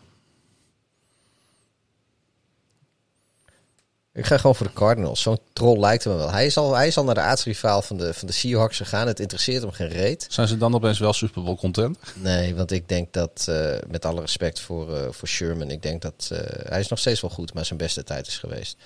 Maar ik, ik- weet je, die eh eh, Maar wel top. kunnen het betalen. En die, Ja. zijn, die zijn wel, ze hebben ook Watt natuurlijk. Die kunnen wel, als zij en Watt, eh, weet je, als zij de, de, de, hun pass rush en hun defensive line, eh, eh, als die in één keer een stuk beter is, en dat is die op papier met Watt geworden, dan wordt het in de secondary met iemand als Sherman ook in één keer heel leuk. Ze, hebben dat, ze doen dat al wel vaker, hè? De, de, de laatste jaren de Cardinals. Weet je nog dat ze het jaar daarvoor Saks eh, van Ja. Baltimore naar Ja, Arizona haalden? Het Dat, dat soort spelers ja, nog een jaartje... niet- Ik zeg niet dat het, het heeft niet altijd even veel succes, maar Nee. ik, ik zat eens te kijken en dan denk ik, weet je waarom ook niet? En dat het in de, het derde team in dezelfde divisie gaat zijn. Ja, als jij al van de Seahawks naar de Niners bent gegaan, dan ga je ook niet meer lastig doen over een overstap naar de Cardinals. Oké. Ik eh, noteer hier de Jets. Maar ik denk dat hij het best bij New Orleans past. Maar ik denk dat ze daar het geld niet kunnen vrijmaken. Laatste eh, speler, voor mij in ieder geval in de top 5, ook eh, een, een geweldige free agent, is natuurlijk Mitchell Schwartz. Eh gereleased door de Kansas City Chiefs. Een van die spelers die het veld moet ruimen van de O-line daar. Ehm, ja, heb jij, een, heb jij een suggestie voor hem? Want hij wil bij een contender spelen. Dat heeft hij al gezegd. Nou, dan valt Baltimore natuurlijk af. Nee, grapje. Eh, Ja, er zijn niet Nee, zoveel opties. Want eh, eh, waar hij ook heen gaat, dat team zal zelf een move moeten maken om hem binnen te kunnen halen. Zoveel geld kost hij namelijk. Ja. En ehm, ik heb nagedacht hoe de Ravens ruimte voor hem kunnen maken. Nou, de Ravens zijn er, dat is geen geheim. Eh, die, die willen gaan traden met Orlando Brown. Dat betekent dat als dat lukt, want de Ravens willen draft picks, dan gaat er een groot gat ontstaan naast Ronnie Stanley. En daar past hij precies in. nou ja, dat, Dus ik zie hem wel in het eh, white en purple volgend jaar. Ja, nou, de- Mits de Ravens eh, de keuze maken om ja. op die positie eh, Orlando Brown van de hand te doen. Ik, ik ga voor de, voor de Seahawks. Kijk, we hebben het eerder vandaag over gehad. Eh, de Seahawks die, die zaten best wel heel dichterbij een heel erg ontevreden Russell Wilson. Eh, ze hebben de mazzel dat... eh, Wat deels ligt aan de verdediging, hebben we geconstateerd. ook deels aan de O-line. Ja. En ook deels aan eh, het, het gebrek aan vrijheid wa- wat, wat Wilson vindt dat hij krijgt. Hij zou daar heel goed passen. Wilson die wilde vier, vier teams wilde die hebben. Nou ja, de Cowboys die hebben met Prescott bijgetekend. De, de Saints die kunnen het gewoon met alle wil van de wereld hadden ze hem nooit kunnen betalen. Die konden de cap space echt nooit vrij krijgen. De Raiders die hebben dat op de een of andere manier ook nooit gewild. Dus uiteindelijk bleven de Bears over. Dat is geklapt deze week. Dus eh, Wilson blijft in, in, in Seattle, neem ik aan. Mhm. Maar dat de Seahawks, eh, denk ik, toch stappen moeten nemen om Wilson een beetje te, te paaien. Dat staat denk ik wel vast. En eh, ik denk niet dat, dat, dat, dat ze hem meteen de macht willen geven eh, over, eh, over de aanval. Nou, dan is de makkelijkste manier is inderdaad investeren in de O-line. Ja, en hij zou natuurlijk bij geen enkel team meer staan, maar zeker niet in Seattle. Nee, Hij maar je ook kan, je, nee, maar je kan ook, eh, je kan ook, ja, maar je kan ook als, als de Seahawks ook gewoon tegen Russell Wilson zeggen van, joh, weet je, we hebben niet, niet de, de O-line voor je alleen maar verbeterd. We hebben Mitchell fucking Schwartz voor jou in de O-line gezet. Ja. Dus wat, wat wil jij nou nog? Ga nu maar gewoon weer lekker ballen, vriend. En daarmee Want zijn wij, Carroll- eh, oh, Oh ja, ja nee, kijk, Piet, Piet Carroll, die is 70 of zo. Die, die, die gaat nog een paar jaar daar zitten. En ik denk dat ze in, in Seattle gewoon willen dat Wilson langer blijft dan Carroll. ja. Maar ik denk ook dat ze, om, vanwege wat Carroll gedaan heeft de laatste eh 15 jaar in Seattle, eh, ze Carroll ook gewoon door de voordeur met een standbeeld eruit willen werken. En niet, niet, niet hem lelijk uit de achterdeur willen schoppen. Maar op de een of andere manier, de visie van Carroll en wat Wilson wil, dat ligt best wel ver uit elkaar. Dus ja, dan is dit de manier om eh, een soort, soort gouden middenweg. ik, eh, ik blijf ook niet langer zitten. Nee, ik wil ook naar huis. Ehm, we hebben eh, toch wel weer heel veel besproken. Hè? Ja. Tweeënhalf uur bijna, man. Doe normaal. Is Maar wel lekker. gespeeld. Wel lekker toch? We zijn weer helemaal op de hoogte, Pieter. En ik hoop, eh, Ouderwets, eh, ouderwetse lange podcast, man. en ik hoop eh, de mensen thuis ook, dat Die- die ook een beetje bijgepraat zijn op deze manier. Want dat was eigenlijk toch een beetje de bedoeling natuurlijk van deze podcast. Ook een Ja, beetje, dat is wel. We kregen her en der wel heel veel. We werden een beetje gemist, want de vorige podcasts waren wat kort en er was geen Who's That Man en er was geen. Nee, daar zat ook weinig lijn Nee, in. de, ja, er was ook een keer eentje zonder biertoppen, geloof ik. En, en, en ja, mensen misten dat. Nou ja, goed, we hebben nu een ouderwetse podcast die eh, veel te lang is. Alles zit erin. Heb je nou kritiek op deze podcast of feedback? Dan kun je ons bereiken op Twitter. Pieter via Nee, als je kritiek hebt op deze podcast, dan kan dat via nflapenstaatjesportamerika.nl. Als je complimenten en andere leuke dingen wil sturen, dan kan dat eh, via social media eh, eh, apenstaatje Klaasie Grun, dubbel A, dubbel S, dubbel N. Of eh Darth Hideous, dat is apenstaatje Darth, lage streepje Hideous. Of NFL op woensdag, apenstaatje gmail.com. Maar nogmaals, dat is alleen voor de positieve dingen. Wil je nou eh, meer podcast eh, van KVM Media volgen? Neem dan even een kijkje op kvmedia.nl. Volg ze ook op social media. Hè, er is bijvoorbeeld een hele leuke podcast over ons aller FC Groningen. De nummer 6 van de eredivisie. Maar ook over Heracles Almelo. Dat is een hele toffe... Hoe, hoeveelste staan niet trouwens? Het zijn wel goede jongens die die podcast maken trouwens. Leuke jongens. Die, eh, absoluut, die, die staan ook in een klinkerrijtje ondertussen. Hé, hey, maar die boys van de Russo Radio dan? Over de Groningse basketbalclub Dono bedoel je? De Ja, Russo Radio. Ja. Ja. Ja, is een goede podcast. Hey eh, Pieter, bedankt voor jouw komst naar eh Proeflokaal Hooghout. Want wij zaten weer in het centrum eh, van. Groningen. Het is ondertussen half drie s'nachts. wij moeten door de avondklok heen ieder geval naar huis zometeen. Nee, ik heb gewoon een verklaring. Wanneer zijn we er weer? De Kunnen we daar al een keer. uitspraak over doen? Ja, de volgende keer. de volgende keer. We gaan even afwachten wat er allemaal gaat gebeuren de komende weken in Free Agency. En eh, als eh, wij de tijd daar rijp voor achten, dan eh, drukken wij de recordknop weer in. Je hoort het wel, jongens. Zullen we het daar gewoon op houden? Wil ik iedereen bedanken voor het luisteren naar NFL op woensdag. En dit was de laatste aflevering van seizoen 1. Volgende keer zijn we bij je terug met seizoen 2. Aflevering Eén. 1. Beste maar weer.